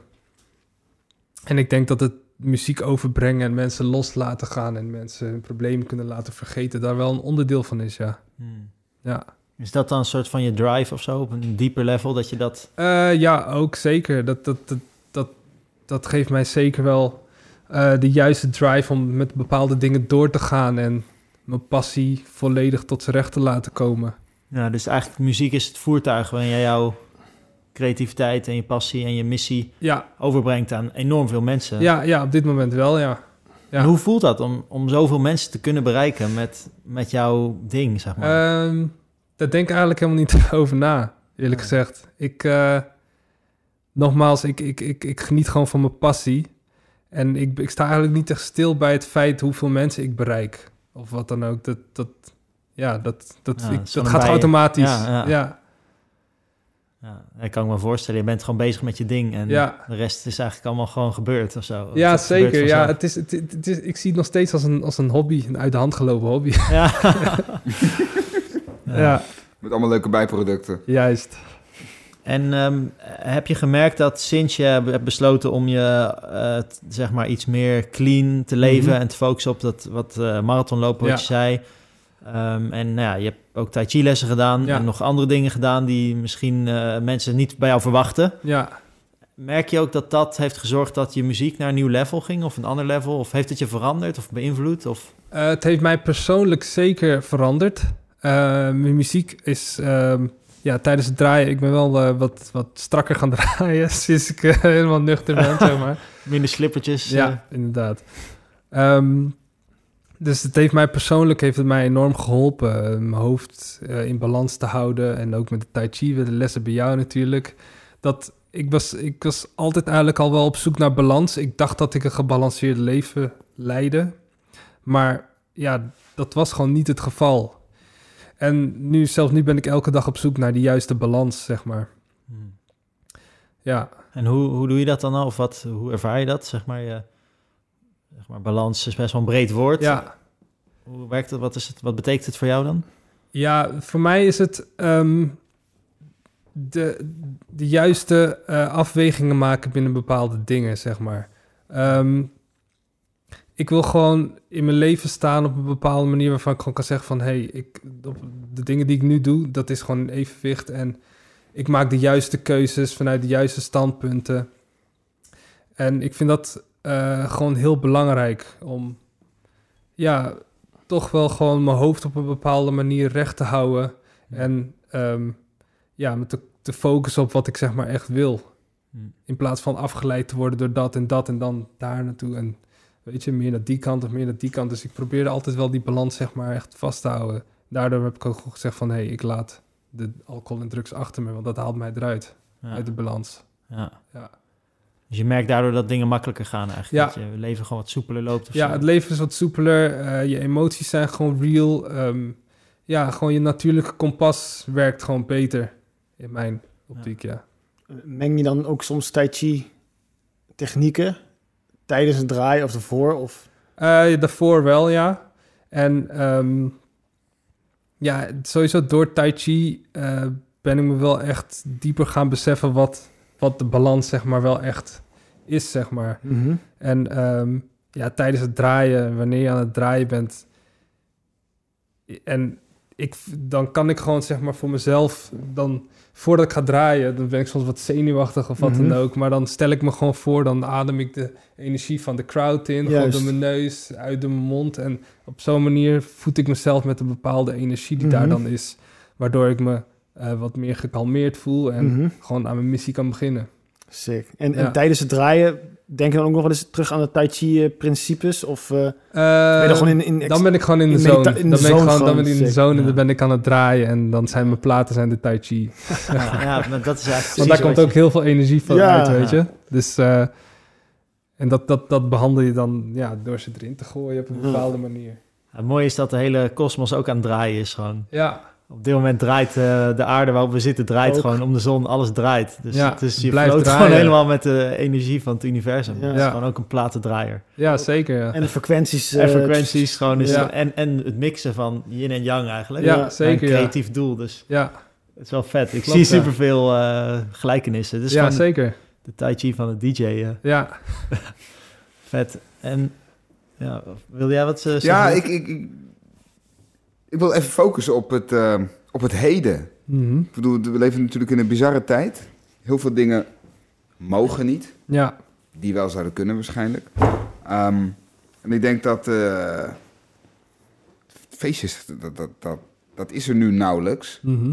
Dan wel niet, niet. Maar hoe is dat voor jou nu? Hoe ziet jouw DJ-carrière eruit in de coronatijd? Ja, dat is helemaal stil te komen liggen eigenlijk, bijna. Eh, je hebt af en toe wat streams waar je dan kan draaien. Eh, van de zomer waren er nogal wat illegalere feestjes, eh, wat kleinere dingen. Maar echte clubgigs, die zijn er niet. Festivals normaal gesproken in de zomer is het elke week festival. Ehm, dat is gewoon nu niet. En ja, verder kan je vrij weinig doen daaraan. Dus ja, je kan je alleen maar richten op je hobby en ja, muziek blijven zoeken en muziek blijven maken, zeg maar. Maar verder kunnen we gewoon bijna niks. En die feestjes die er in de zomer waren, dat, dat waren dan illegale? Ja, Zijn er veel geweest? eh, waar ik zelf moest draaien, niet superveel. Maar er waren er wel, eh, waren er wel wat, ja. Is dat, zit dat allemaal een beetje in de Randstad of zo? Ja, Amsterdam Ja. vooral. Ja, ja. Op zee. Ja, op zee inderdaad, op, bo- de boten. Oh, serieus? Dat was wel leuk inderdaad. Ja, op een boot. Op zee? Of... Op zee, ja, op zee dat, dat ze, hadden ze, hadden ze een boot, eh, gewoon een boot eh, gehuurd. En daar eh, wat is het, 250 man. Twee, van die grote zeilschepen. Ja, echt? Ja, twee van die grote zeilschepen die aan elkaar midden op het meer. Vet. En eh, in een van die zeilschepen zat dan eh, onderin zat dan, dus dan een eh, soort van club, een zaal. En eh, daar was dan het feest. Ja, en, dat was dan, en dus iedereen tegelijk opstappen en ook iedereen tegelijk weer er vanaf. Wauw. Ja, dat waren wel hele mooie dingen. Dat waren wel een paar highlights van de zomer inderdaad. Ja, ja, ja. Oh, dat was ook overdag? Dat was overdag, ja. Oh, Dat begon om 12 en eh, je ging terug om 10. elf. Oh, super. Gewoon de hele Ja. dag lekker reven. Ja, en dan was je gewoon met z'n allen daar. Ja. Ja, En dat is goed nice. gegaan. Ja, het is goed gegaan, ja. Eén keer was ook de politie nog gekomen.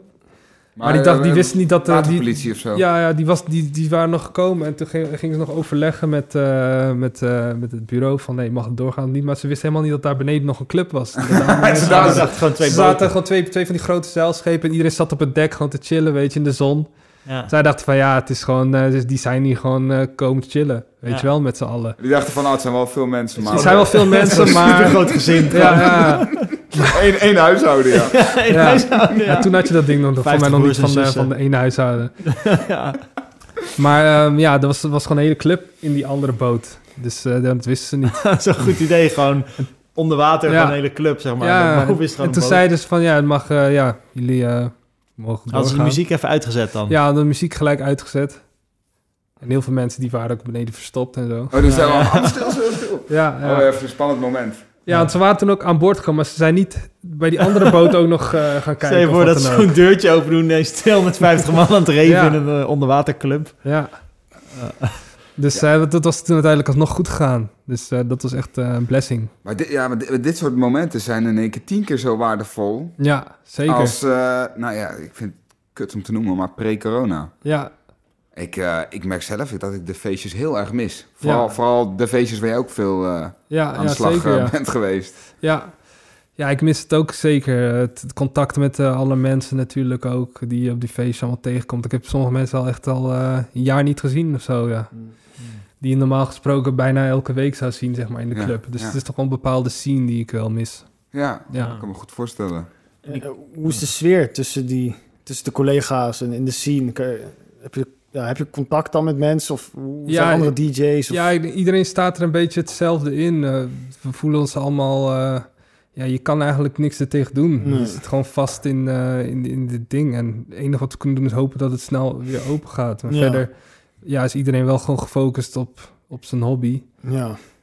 Maar ehm, ja, we kunnen nu gewoon vrij weinig. nee. Dus eh, En clubeigenaren en zo. ja, club-eigenaren, ja, dat, sommige clubs die, die, die redden het al niet Nee, meer, weet je. Ik bedoel, je hebt huur die je moet betalen en dit en dat. Ja. Het, is- ja, het is funest. Ja. Want ik sprak gisteren toevallig iemand die eh, een evenementenbureautje heeft. En zij eh, werkte met Mysteryland. En Ja. ze had het over dat ze gaan nu deze zomer nog één keer een soort van... Ze willen ervoor gaan, maar Ja. ze gaan dan in april beslissen of ze dat gaan doen, ja of nee. Ja. Maar zij zei van als, het niet, als we er niet voor gaan, dat zij dan de stekker uit haar evenementenbureau gaat Ja, dat, trekken. dat begrijp ik wel. Hè? En dat heel veel eh, mensen in de evenementenbusiness in Nederland, wat echt een fucking goede business Mhm. is in de wereld gewoon, Ja, zeker. dat dat gaat gebeuren. Ja. Maar denk jij dan dat dat echt funest is voor de Nederlandse... Ik, ik, weet- ik weet wel zeker. Ik weet wel zeker, ja, althans, kijk, één zomer, eh, ja, één zomer geen feestjes en festivals, oké. maar nog een zomer, Ja. weet je, er is, er is zo'n grote netwerk achter alle festivals en Ja. Achter de hele horeca en alles, weet je. Dat kan Ja. niet nog een heel jaar door verder gaan. Ja, alle, dat alle, gaat alle, gewoon niet. alle- Alle- allerlei puzzelstukjes vallen, Alles. vallen steeds Ja. meer weg. Alles, ja. Want ik hoorde dat heel, zij vertellen Ja. dat heel veel mensen die normaal de techniek deden bij festivals, Ja. allemaal zijn omgeschoold en nu in de bouw werken. Ja, klopt, ja. Dus als die festivals straks weer komen, dat er te weinig techni- technische dat, mensen zijn Dat om soort alles dingen te zal je zeker hebben, ja. Ja, want ja, het netwerk is gewoon zo groot dat erachter zit. Dat, dat valt nu allemaal gewoon weg. Bizar, man. Ja, En denk en je het dat is ook het allerlaatste wat open zal gaan natuurlijk. Ja.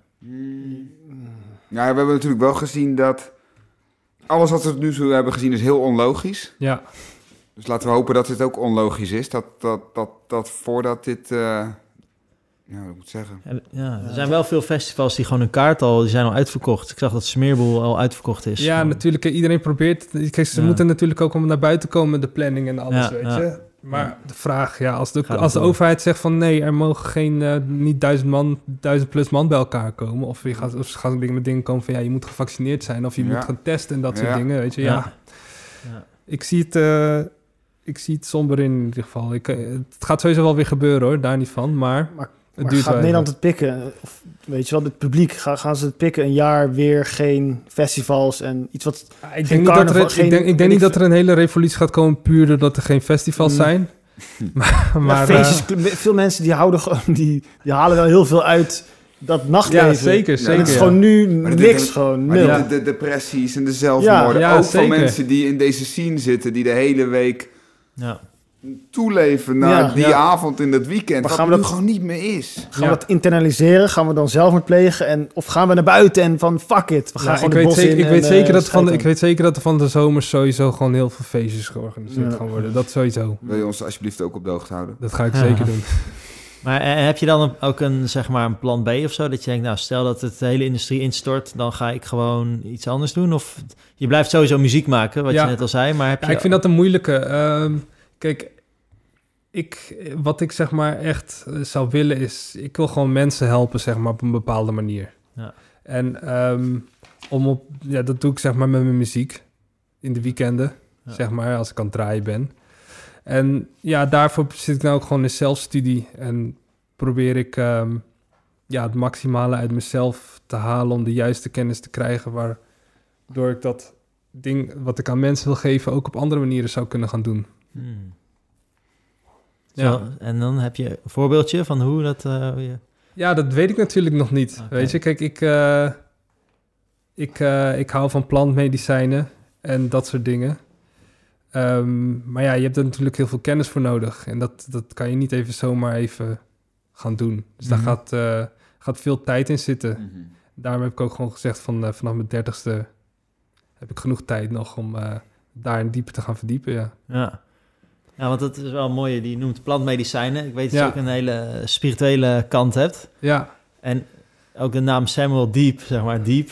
Diep is, eh, komt inderdaad van de deep side. Ja, ik, Ja. eh, daar, daar, daar staat diep voor. Ja. Ja, want die deep side, heb je die altijd al gehad? Of is dat iets wat... Ja, die, die Ja. naam heb je natuurlijk altijd vanaf het begin al. Ja. Dus dat zat er al. Ja, zeker. Sinds ik eh, heel jong was, sinds ik zes jaar was, heb ik eh, ja, wat dingen meegemaakt die, eh, die mij hebben wel hebben getriggerd om eh, eh, wat, wat, wat op een andere manier naar het leven te kijken.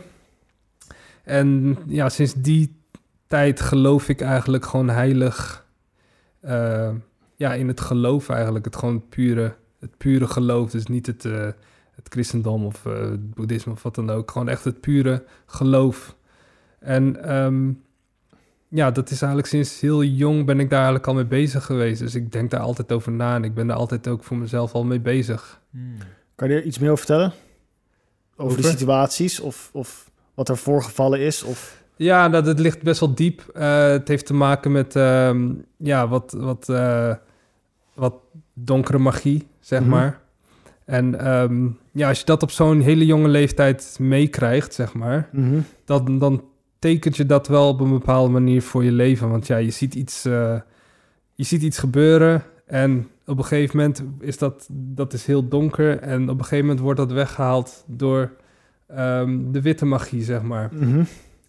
En als je dat niet mee zou maken, dan zou je niet weten dat het zou bestaan. Of Ja. zou je zeggen van ja, het is bullshit of weet ik veel wat. Mhm. Maar als je dat zelf echt meemaakt, ook op best wel jonge leeftijd, dan, ja, dan heb je wel een heel ander beeld van het leven vanaf dat moment. Ja. Ja, Dat is dan ook meer de Surinaamse spiritualiteit. ja, ja, Ja. ja. De Winti, eh Winti-cultuur inderdaad. Hoe oud was je ja. toen? Ik was zes. Mm. Ja, Dus toen heeft iemand een zwarte magie op jouw familie gedaan of zo? Of- ja de details die kan ik niet helemaal, eh, Hmm. niet helemaal geven, maar Nee. Eh, ja, dat heb ik gewoon al meegemaakt, ja. Ja. Dus daardoor, ja, En Heeft dat je ook gemotiveerd om, om te gaan zoeken naar een soort van eh antidote? Hoe zeg je dat? Naar een tegengif of zo? Of naar- Eh, ja, het heeft mij gewoon mijn ogen geopend van... hey, eh, wow, ehm, die wereld bestaat, Ja. weet je wel? Dus ik was heel Ja. gefascineerd door, ehm, ja, door die wereld. ja. En dat heeft mij altijd ook naar die wereld eh, gelokt, zeg maar. Om dat dieper te gaan, eh, dieper daarin te gaan. En meer van mezelf te weten komen, ook van de andere kant. Van Ja. de andere kant van de sluier natuurlijk. ja. Want je hebt je uiterlijk, ja, je, je hebt jezelf, maar je hebt natuurlijk ook een hele andere kant, een veel diepere kant van jezelf. En die probeer ik wel, die ga ik, ja, die ben ik aan het proberen te, ja, Toegang tot te krijgen? Of... ja, terug toegang tot te krijgen, of in ieder geval daar dichterbij te komen. En Mhm. zodat je gewoon echt in je eigen kracht staat. Mhm. En heeft ayahuasca jou op een gegeven moment geroepen? Ja, Van, kom bij me. Ja, dat was, was een mooie, want ik, ik, ik had altijd wel docu's, docu's over gezien en alles. En toen ging ik in 2014 ging ik, eh, ehm, op vakantie naar Curaçao of naar eh, Costa Rica. En ik had van tevoren had ik gewoon even gegoogeld van hey, Costa Rica, ayahuasca had ik ingetoetst. En toen kwam ik bij zo'n Facebook page. En Mm. er stond van ja, dat ze sessies daar deden. En er stond een telefoonnummer bij en die had ik toen gebeld. En toen zeiden ze van dat er plek was. En aan het einde, tegen het einde van de reis, toen eh, heb ik daar toen mijn allereerste keer in de bergen, mijn allereerste ayahuasca genomen. Mm. En dat was wel een, eh, ja, voor mij wel een life changer. Want ik was, ehm, ik was eigenlijk sinds ik heel jong was, ben ik altijd best wel, eh, ja, best wel angstig geweest. En heel erg op mezelf en heel erg, ehm, ja, introvert, zeg maar. En toen ik de allereerste keer ayahuasca daar nam, toen heb ik geleerd ehm, me over mijn angsten heen te zetten. En zeg maar niet meer met die angst, niet, niet meer mijn leven door die angst te laten regeren, zeg maar. Mhm. Dat is wel een key point geweest waardoor ik veel vrijer ben gaan leven. Mhm. Ja, En het was één sessie dan in de... dat was één sessie in, eh, in de bergen, ja. En, en hoe, hoe kreeg je de informatie door? Was het Nou, ik, ik, ik, werd, of- ik, ik, ik werd, ik moest van mezelf toen op een gegeven moment, want ik, ik had die ayahuasca genomen, gekotst en ehm, toen zat ik op mijn knieën en ik was, normaal gesproken zou ik dan gewoon blijven liggen en alles, weet je, maar ik, ik, ik voelde gewoon dat ik moest gaan bewegen, dat ik moest op gaan staan en dat ik ehm, gewoon mezelf moest zijn en niet bang moest zijn om, om, om, dat, maar te, om dat te doen. Dus toen Mhm. ben ik op mijn knieën gaan, gaan zitten en toen kwam ik steeds verder omhoog en op een gegeven moment ging ik staan, mijn armen uitgestrekt en toen voelde ik gewoon van, hé, hey, ik heb mij over een bepaalde angst heen gezet. Mhm. En eh, ze waren toen ook echt live aan het muziek aan het spelen en eh, aan de drums en met de didgeridoo en aan het zingen en alles. En ik weet dat het, dat het me helemaal overnam. En ja, dat was echt een prachtig moment. Mm. Ja. Mooi man. Maar de allereerste keer ayahuasca, die heeft me echt over mijn, over mijn, ja, over mijn diepe angst heen gezet. Ja. Gewoon door het gevoel van... Het gevoel dat, dat, dat je niet bang... Ik Ja. had het gevoel dat ik gewoon niet bang hoefde te zijn. Dat het iets is dat het... Dat zit in je hoofd. Ja. Weet je? En natuurlijk ga je er nooit 100% van afkomen. Wat dan Mhm. ook. Natuurlijk ga je altijd wel bang zijn. Maar ehm, hoe ga je ermee om? ja. Hoe ga je met de angst om, zeg maar? Ja, En met dat gevoel ben je dus gewoon weer eh, naar huis gegaan en heb Ja. je het gewoon geïmplementeerd. En, eh, ja. ja, toen heb ik het geïmplementeerd. En ja, sindsdien eh, leef ik eigenlijk een ander leven, ja. voor mijn en gevoel. sindsdien ben je, ben je wel vaker nog ayahuasca Ja. doen, toch? Ja, ik doe het dan ehm, zeg maar elk jaar. één keer per jaar doe ik het. Vast, eigenlijk voor Ja, jezelf heb je dat een vast. beetje... Ja, dat, ik vind het gewoon fijn om eh, weer terug te gaan naar de basis. En elke keer ayahuasca is natuurlijk weer anders. En ehm, ja, voor de cleansing natuurlijk, lichamelijk, geestelijk, Ja, vind ik belangrijk om, het- om het gewoon ehm, één keer per jaar wel te doen, ja. ja. Sick. En dat, Ja. ben je ook, dat doe je maar bij Miguel, toch? Nu? Ja, bij Miguel inderdaad, ja. Ja, en dus check ook die episode van Miguel. Ja. Ja. Ehm, die staat gewoon eh, bij ons in het, eh, in het lijstje. Eh, ook erg boeiend. En eh, ook zeker geen toeval, want niets is voor niets. Ja, klopt, ja. En je, je hebt het gevoel dat, dat die ayahuasca of de plantmedicijnen misschien nog wel een groter onderdeel in je leven gaat zijn? Of, wie weet, kijk, dat kan ik nu niet zeggen. Ehm, ik voel me daar wel heel erg tot aangetrokken. ja. Eh, sowieso vind ik dat ehm, alles wat wij nodig hebben is in het bos te vinden. Voor alle ziektes is er wel iets in het bos te vinden. ja. En ik vind dat mega interessant. En Ja. eh, dat zou ik gewoon verder, zelf verder eh, uit willen zoeken. Ja. Ja, En de grens van drugs en Ja. plantmedicijnen, die, ja, die, die is er wel degelijk voor jou dan, denk ik. ja, ja. Dus het is gewoon geen drugs meer, maar wel... Maar wel Ja, psychedelica, dat zie ik niet echt als een, als een eh, bijvoorbeeld een eh, eh, LSD of Ja.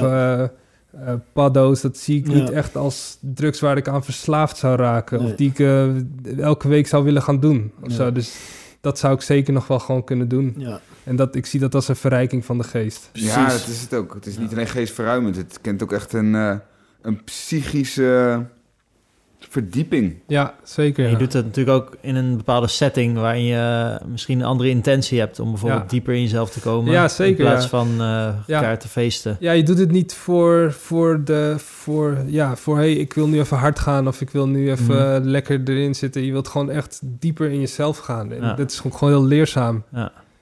Ja. Ja. En Wat, zijn, wat is de laatste eh, les die je hebt geleerd van een, zo'n dusdanige sessie? Eh, ayahuasca sessie. Ja. Na de allerlaatste ayahuasca sessie, toen ben ik gewoon eigenlijk helemaal kapot gegaan. Oh ja? dat, was, eh, dat was gewoon echt keihard werken. En eh, ja, ik ben toen, eh, toen ben ik eigenlijk, ik heb echt twee uur, tweeënhalf uur of zo lang gekotst. Zo. En eh, het zat gewoon een hele diepe blokkade in mij. Hm. Wat die echte diepe blokkade is, weet ik nog niet precies wat dat precies was. Maar er zat iets in mij dat mij echt, dat me echt dwars zat. En dat moest eruit en dat kwam, er maar, dat kwam eruit. En toen zat er nog steeds zat het er. En toen ben ik echt 2,5 uur bezig geweest met, eh, om dat eruit te krijgen. Hm. En eh, daar heeft Miguel mij heel goed bij geholpen.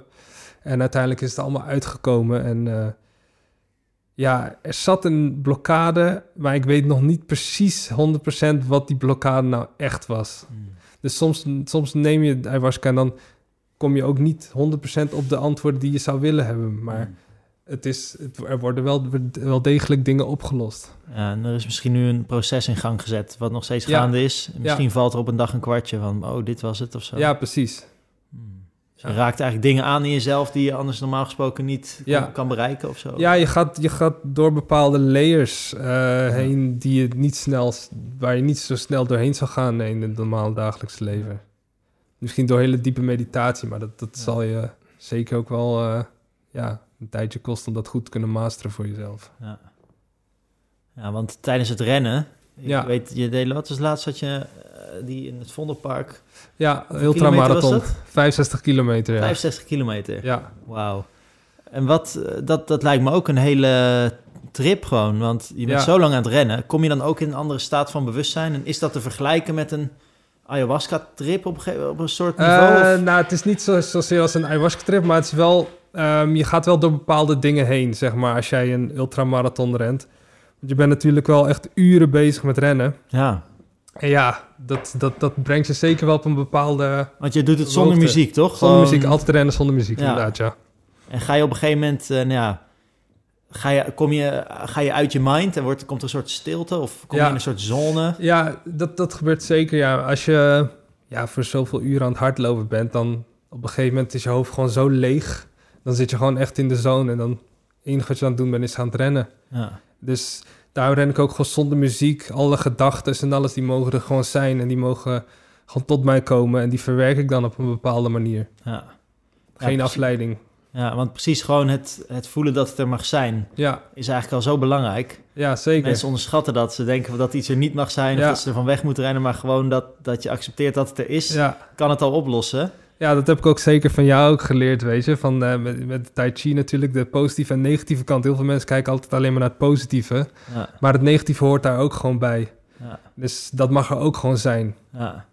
Dus in het rennen kom je dan wel eens dingen tegen in jezelf die, die je normaal niet ja, zo snel je zou denkt, tegenkomen? je denkt over van alles na, weet je wel. Hmm. Je hele leven gaat... ge- je, je denkt aan van alles. Ja. Ja. Een soort ref- ultieme reflectie, want er is niks, je kan niet ontsnappen gewoon. Je bent, je bent daar gewoon met jezelf alleen Ja, maar, er is niks. Ja, klopt, ja. Ja.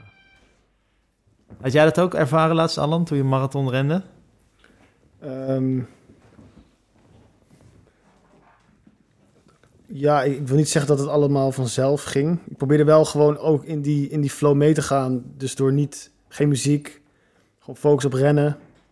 En ook eh, in een soort van meditatieve stand te komen.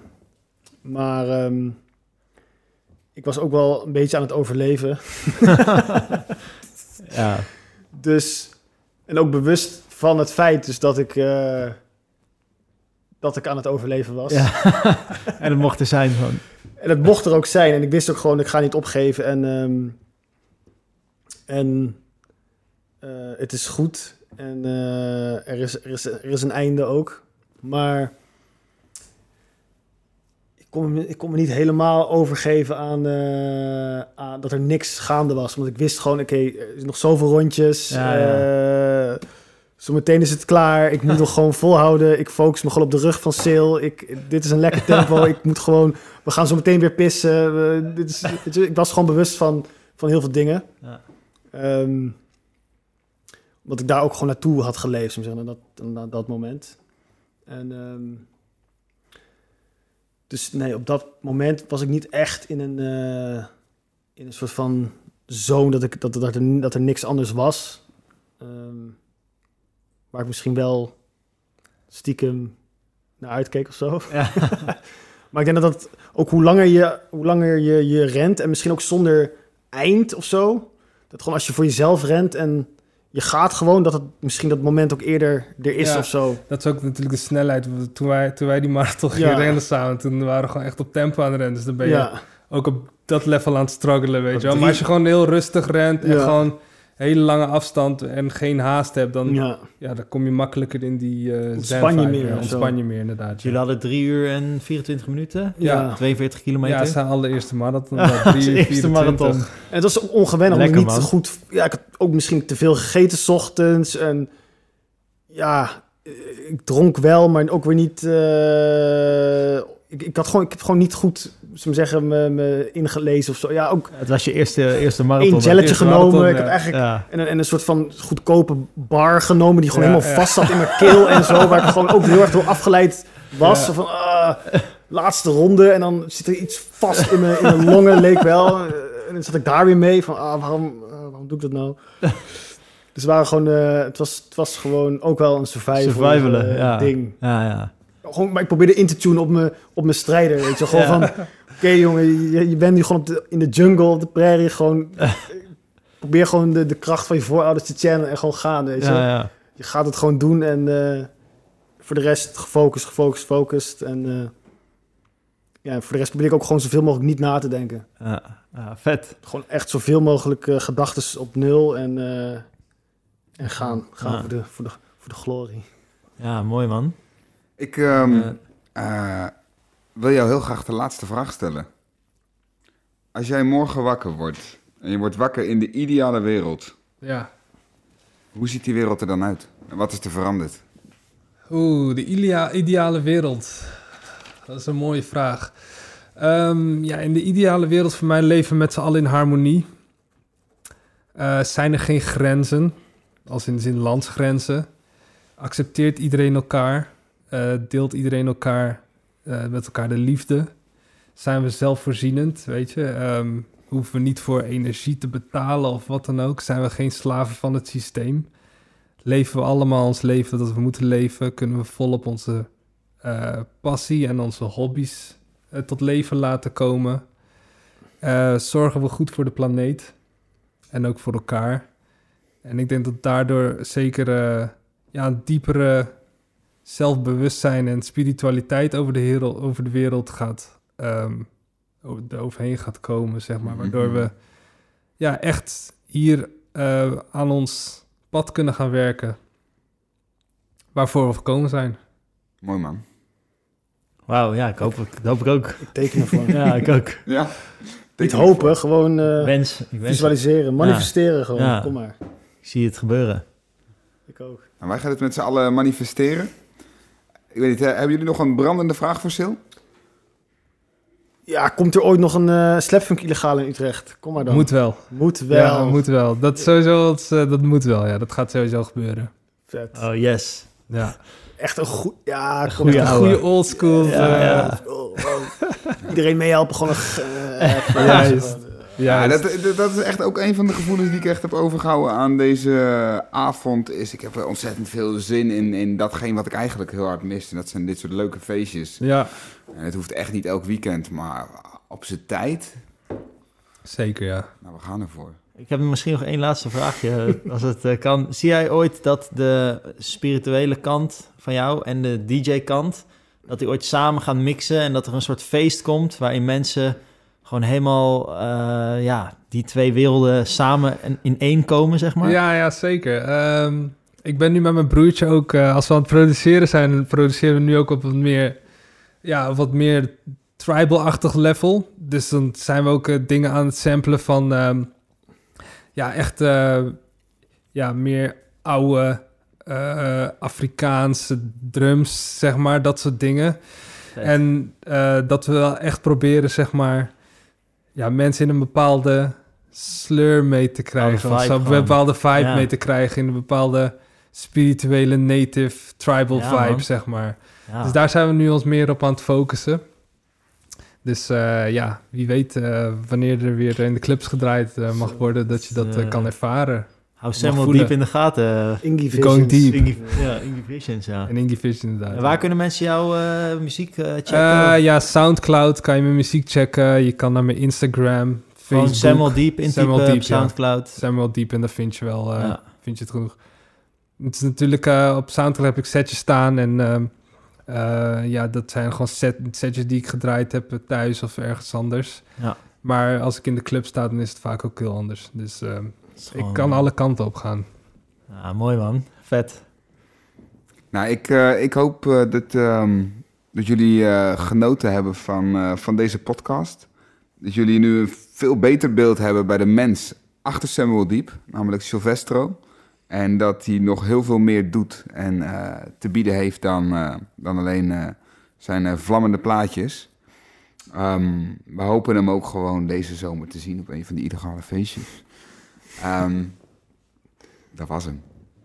Sil, dankjewel. Jullie bedankt jongens. Thanks. Ja, bedankt man. Thanks. Oké, en we're out. Zien jullie bij de volgende.